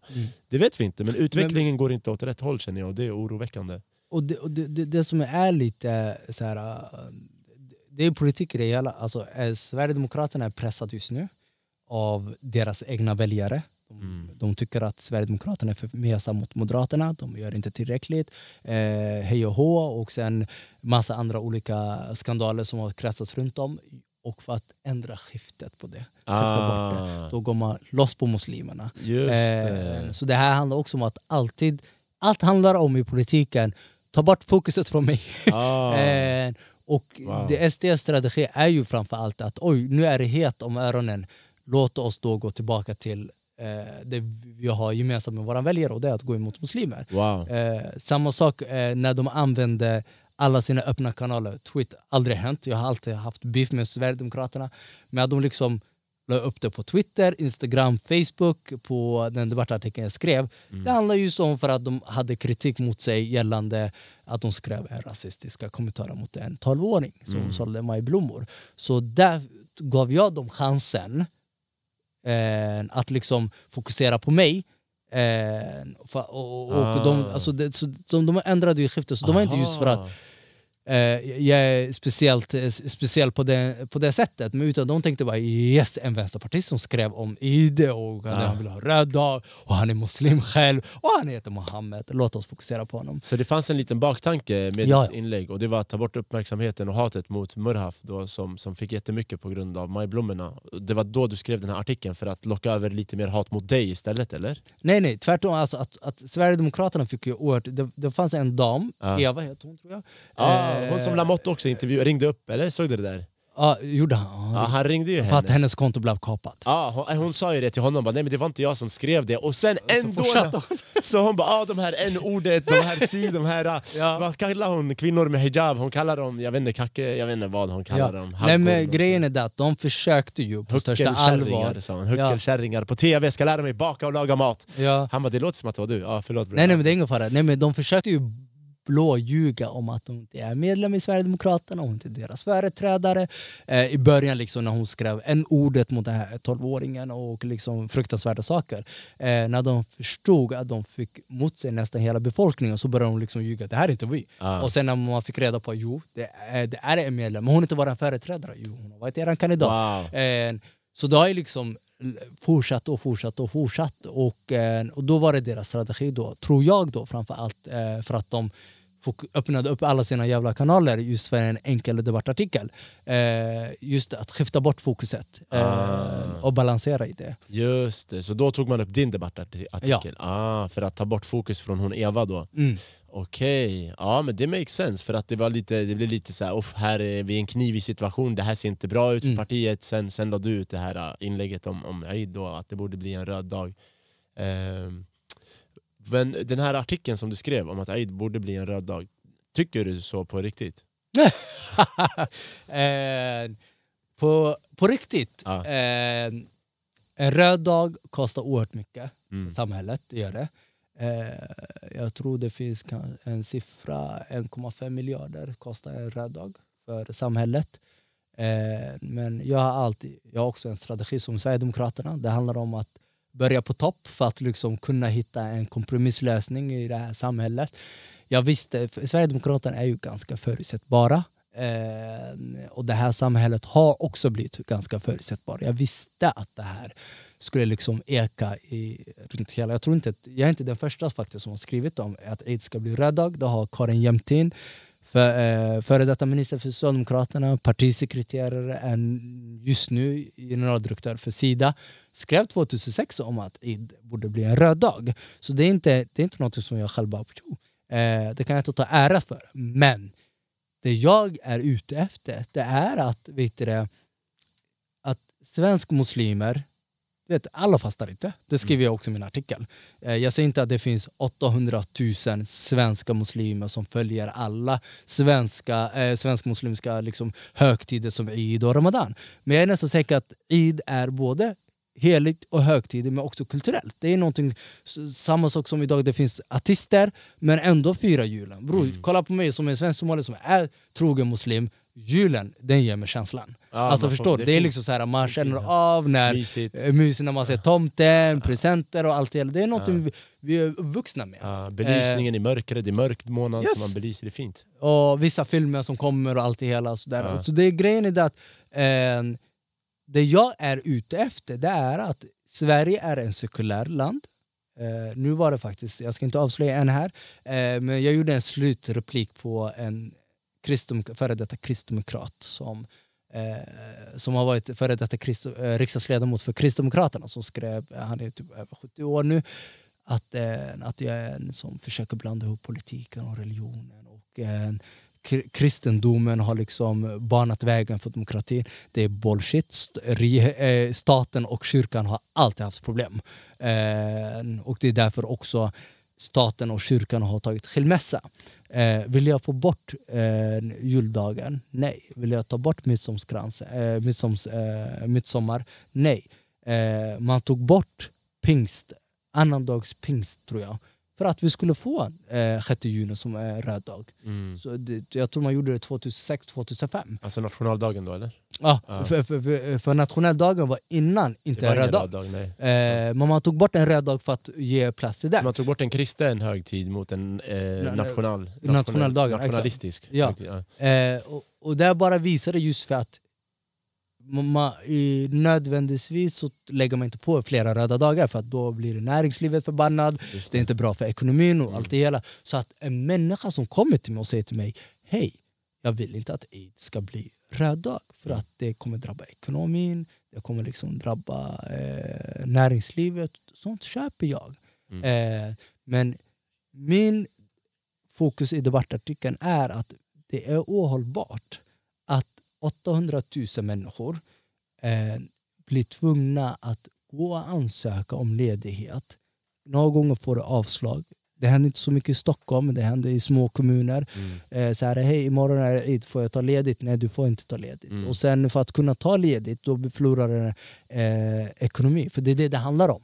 Mm. Eh, det är att tar du ledigt så eh, förlorar du inkomst. Ja. Eh, för att inte liksom förlora inkomst, vad gör människor? De tar semester. Ja. Eh, och för att, för att du tar din semester på din högtid så betyder det att du får en dag mindre semester. till. Så det Precis. finns fortfarande olika förutsättningar på eh, olika högtider. Eh, och sen sist men inte minst, som jag tycker är ännu värre, det är skolplikten. Mhm. Ja, till exempel min son han går i skolan. Eh, för att han ska kunna fira sin Eid måste jag skicka iväg ett brev två veckor innan. Och då är det rektorn som ska godkänna det. Han har enligt lagrätten att kunna säga nepp. Nu sa han ja faktiskt. Eh, men det har hänt i flera skolor där de har faktiskt sagt nej. Och vad, vad, vad gör det till den här killen och lilla tjejen som inte får fira sin Eid när vi vet vad Eid innebär exakt så som det innebär en fantastisk fest som julafton. Ja. Eh, så det, det he, hela den här principen och sen blev det ju vad det blev. Jag fick ha massa, massiv hat och sådär. Eh, och hot om att man skulle göra folkmord på svenska muslimer. Oj, är det Eh, så? Ja, det, På kommentarer eller? ja, på en flashback. Eh, Men det är ju Ah, skickat till säkert.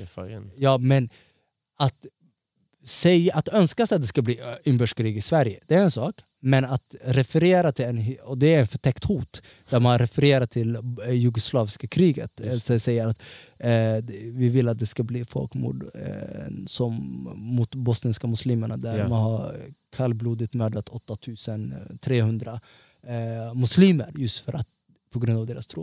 Eh, det, är ganska magstarkt och en Mm. person kan se sådär öppet Gud vet vad han kan göra på vet du, en människa, människa fysiskt på gatan. Eh, men vart vill jag landa? Jo, jag kan landa i en kompromissläge där man kan säga flera ledigheter. Eh, då blir inte näringslivet sur på mig, eh, för de gillar inte röda dagar. Eh, och då kan jag till exempel så, ö, ö, spara midsommar, den röda dagen så behöver jag inte ta, emo- eh, ta ut det. Jag kan jobba då Ja. och sen spara min röda dag och ta ut den när det är min Eid. Eh, och då innebär det, jag gillade när några skrev så här, vad, vad, vad, judiska högtid, högtider då, buddhism. Jag bara, nu råkar det vara just Eid. Men det är också så att vet du, det, led, alltså, de här lediga dagarna kan också funka på andra högtider. Mm. Så Att man har en flexibel röd dag tänker du? ja, att man är Som fri, den här en som man kan välja själv. Ja, som man kan Ja. själv välja. Och jag tror många artister som inte ens vill ha kristna högtider eh, skulle hålla med mig om att det behövs den här flexibiliteten. Att man, kan, man vill ha flera lediga dagar Mm. eh, som man kan själv ta. Eh, och, och det blir också eh, bra för näringslivet och för arbetet där man slipper det här med att alla blir lediga samtidigt. Mm. Eh, det är det som händer och det är så roligt att nu när det är röda dagar framförallt i sjukvården och så där, den där flexibiliteten sker ju mellan religioner redan idag. När eh, vissa vill fira ju- julafton och så. Eh, så, så är det många muslimer som jobbar i sjukvården eh, och, och, eh, och andra samhällsviktiga yrken. Precis. Eh, så, det, så min mål är ju framför allt just för att en unge ska, ska eh, glädje om Eid ska inte hänga på eh, en rektors makt att kunna Mm. säga ja eller nej. Det är det det handlar om. Och att en vuxen människa som vill fira sin högtid ska liksom inte ha mössan i handen och säga kan du godkänna min ledighet. Mm. Eh, Jag tror det är det vissa företag har blivit duktigare Just på. det. Så som du själv tog upp, att vet det där med att folk, företag säger Eid Mubarak och allt det hela. Ja. Massa saker har förändrats. Mm. Men jag tror det vi stockholmare glömmer bort det är att vi tror att huvudstaden är neutral men det är inte så neutralt överallt. Eh, och det är, de, det är den oros, det är den stressen som det skapar hos flera svenska muslimer. Att, vet du, har, har ansökan till skolan gått in? Har, har, har jag frågat min arbetsgivare om jag kan ta ledigt? Och hej och hå. Just det, man måste planera en hel process liksom för en Ja. dag och fira. Eh, och det där är också, just den här flexibla röda, röda dagen tror jag är en bra grej på grund av att vi muslimer vet inte alltid vilken exakt dag Eid blir. Utan det är, vi måste kolla på månen och det är lite den som avgör vilken dag det blir. Eh, så då är det bra att ha den här flexibla dagen. Då vet vi att ah, imorgon är det Eid, då tar vi ut den imorgon. Eller Mm. Istället för att man varje år ska säga ah, nästa år är Ramadan mellan den och den perioden och Eid blir den dagen, för det vet vi ju inte. Mm. Men har man flexibiliteten då kan man eh, välja eh, vilken dag man vill. Så det är en bra idé. Så jag tänkte avsluta nu, eh, Mohammed Nour, med en sista fråga. Japp. Vad, vad skulle du säga till den här äh, svensk-svensken, etniska svensken som har vuxit upp i Sverige på 50, 60, kanske 70-talet och vuxit upp med det här som man kallar för folkhemmet där Sverige var ett väldigt homogent land, det ansågs vara tryggt, kanske gängskjutningar inte existerade, kriminaliteten såg annorlunda ut då, kanske mer hustrumisshandlingar och så vidare. Eh, och nu är det ett Sverige där det finns områden som Järva där man kanske inte ens kommer långt med att prata svenska, kanske man pratar mer i andra språk, butiker är från andra främmande länder och man hör just gängvåld och skjutningar och oskyldiga människor och barn kan påverkas av det och det pekas på invandrare och man känner inte igen sitt gamla Sverige som man växte upp i på 50, 60, 70-talet och det Mm. var homogent och för dem mycket tryggare och kanske eh, ekonomin var bättre. Vad säger du till de människorna? Förstår du Eh, deras eh, rädsla? Du? Eh, Lite kort skulle jag säga, gå själv och se verkligheten, hur den ser ut. Eh, Jag har träffat på, eh, använt mig av hans berättelse ganska länge. Jag träffade på en producent som eh, skulle, skulle eh, nej han var regissör så var det, eh, från Skåne. Eh, Han skulle hamna i Tensta då första gången. Eh, Han skulle dit eh, och eh, folk kanske känner inte till Blåhuset och så där, hur Tensta ser ut och så där. men i alla fall från tunnelbanan till Blåhuset så är det kanske två, tre minuter. En, en, en vänstersväng till en högersväng så är du där liksom. Men han har läst mycket om då, eh, Tensta och eh, i media och allt det hela. Så han liksom, medan han satt i tåget så tänkte han liksom så här, oj herregud vad ska jag göra när jag kommer ut och, och lämnar tunnelbanan? Och, och han hade en inbyggd rädsla eh, att när han kom ut från tunnelbanan så skulle han bli knivhuggen. Eh, och den känslan, han berättade då för mig efter sex månader han hade lärt, lärt känna mig och då sa han att den där känslan var så påtaglig ända fram tills jag kom fram till Blåhuset. Så kände mig, jag mig så jäkla dum. För att det var inte ens någon som tittade på mig. Han bara, han bara jo det var någon som bara sa hej till mig och låg mot mig och Ja. sådär. Men han bara, jag kände mig så dum så att jag... För det, han bara, jag visste nästan att eh, jag kunde svära på att det skulle hända någonting. med- Och när det väl inte hände mig så kände jag mig så dum. Och då sa jag till honom, det är inte ditt fel. Verkligheten har tvättat dig nu. Men om du stannade kvar i Skåne så tror du att varje dag så skjuts det i Tensta. Människor när de ser varandra så hoppar de på varandra som om det var djungeln. Det är den bilden man har tills verkligheten säger till dig något helt annat.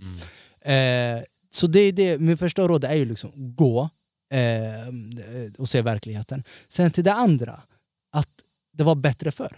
Bullshit! Hela Järva har varit Försvarsmaktens mark.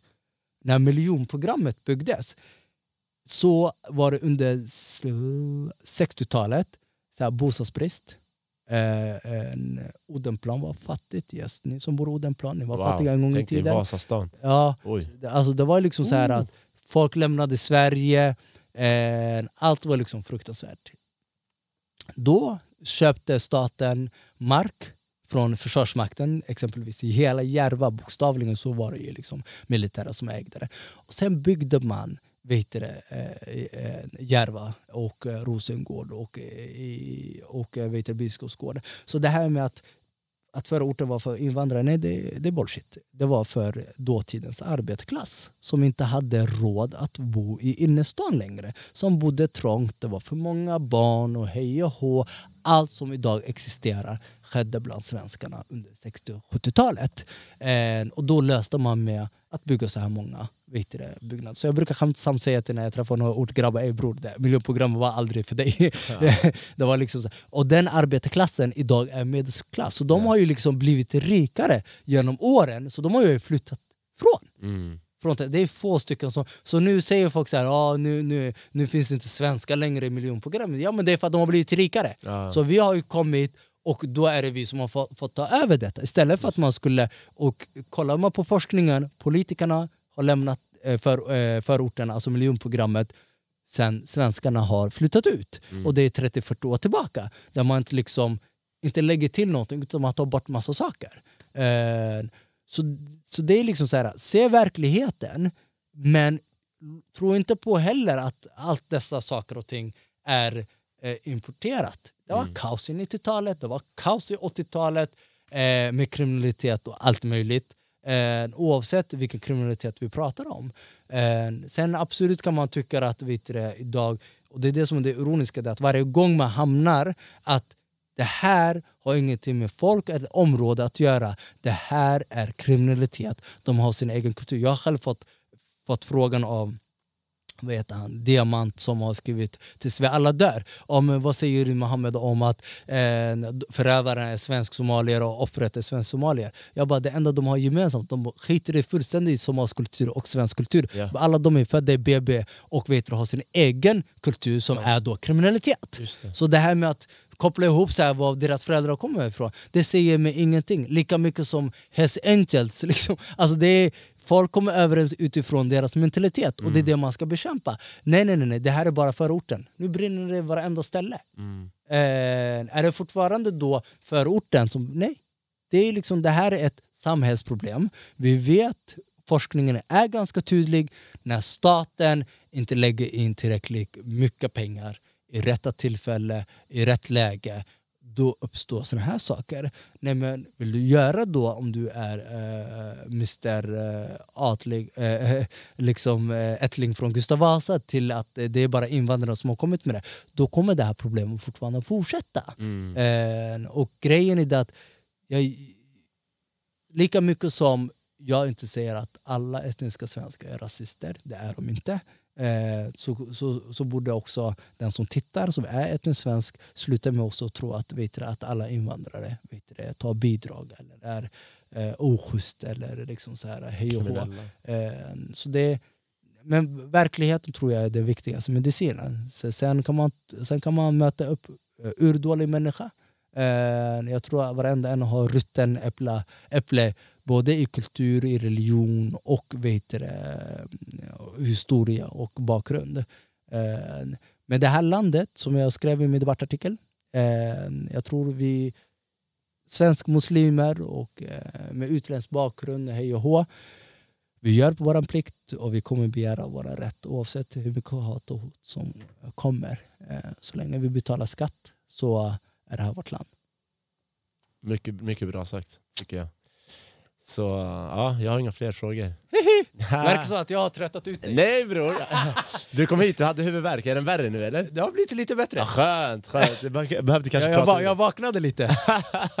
Det är bra, du såg pigg ut. Ögonen började gnistra. Eller hur? Ja, 100%. Men jag måste tacka dig jätte, jättemycket själv. att du tog dig tiden från familjen och en söndag solig som denna komma hit och spela in den här podden med mig.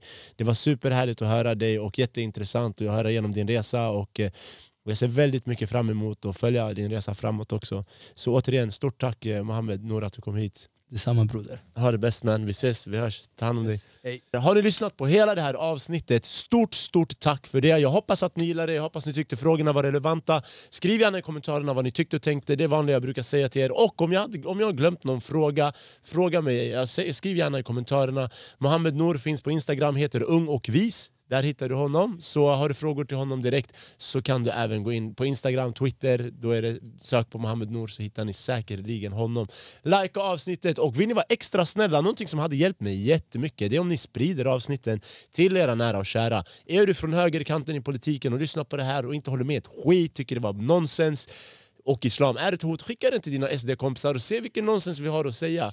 Är du en vänstermänniska, sprid den med dina vänsterfolk och, och säg har vi missat någonting, vad håller ni med om och inte.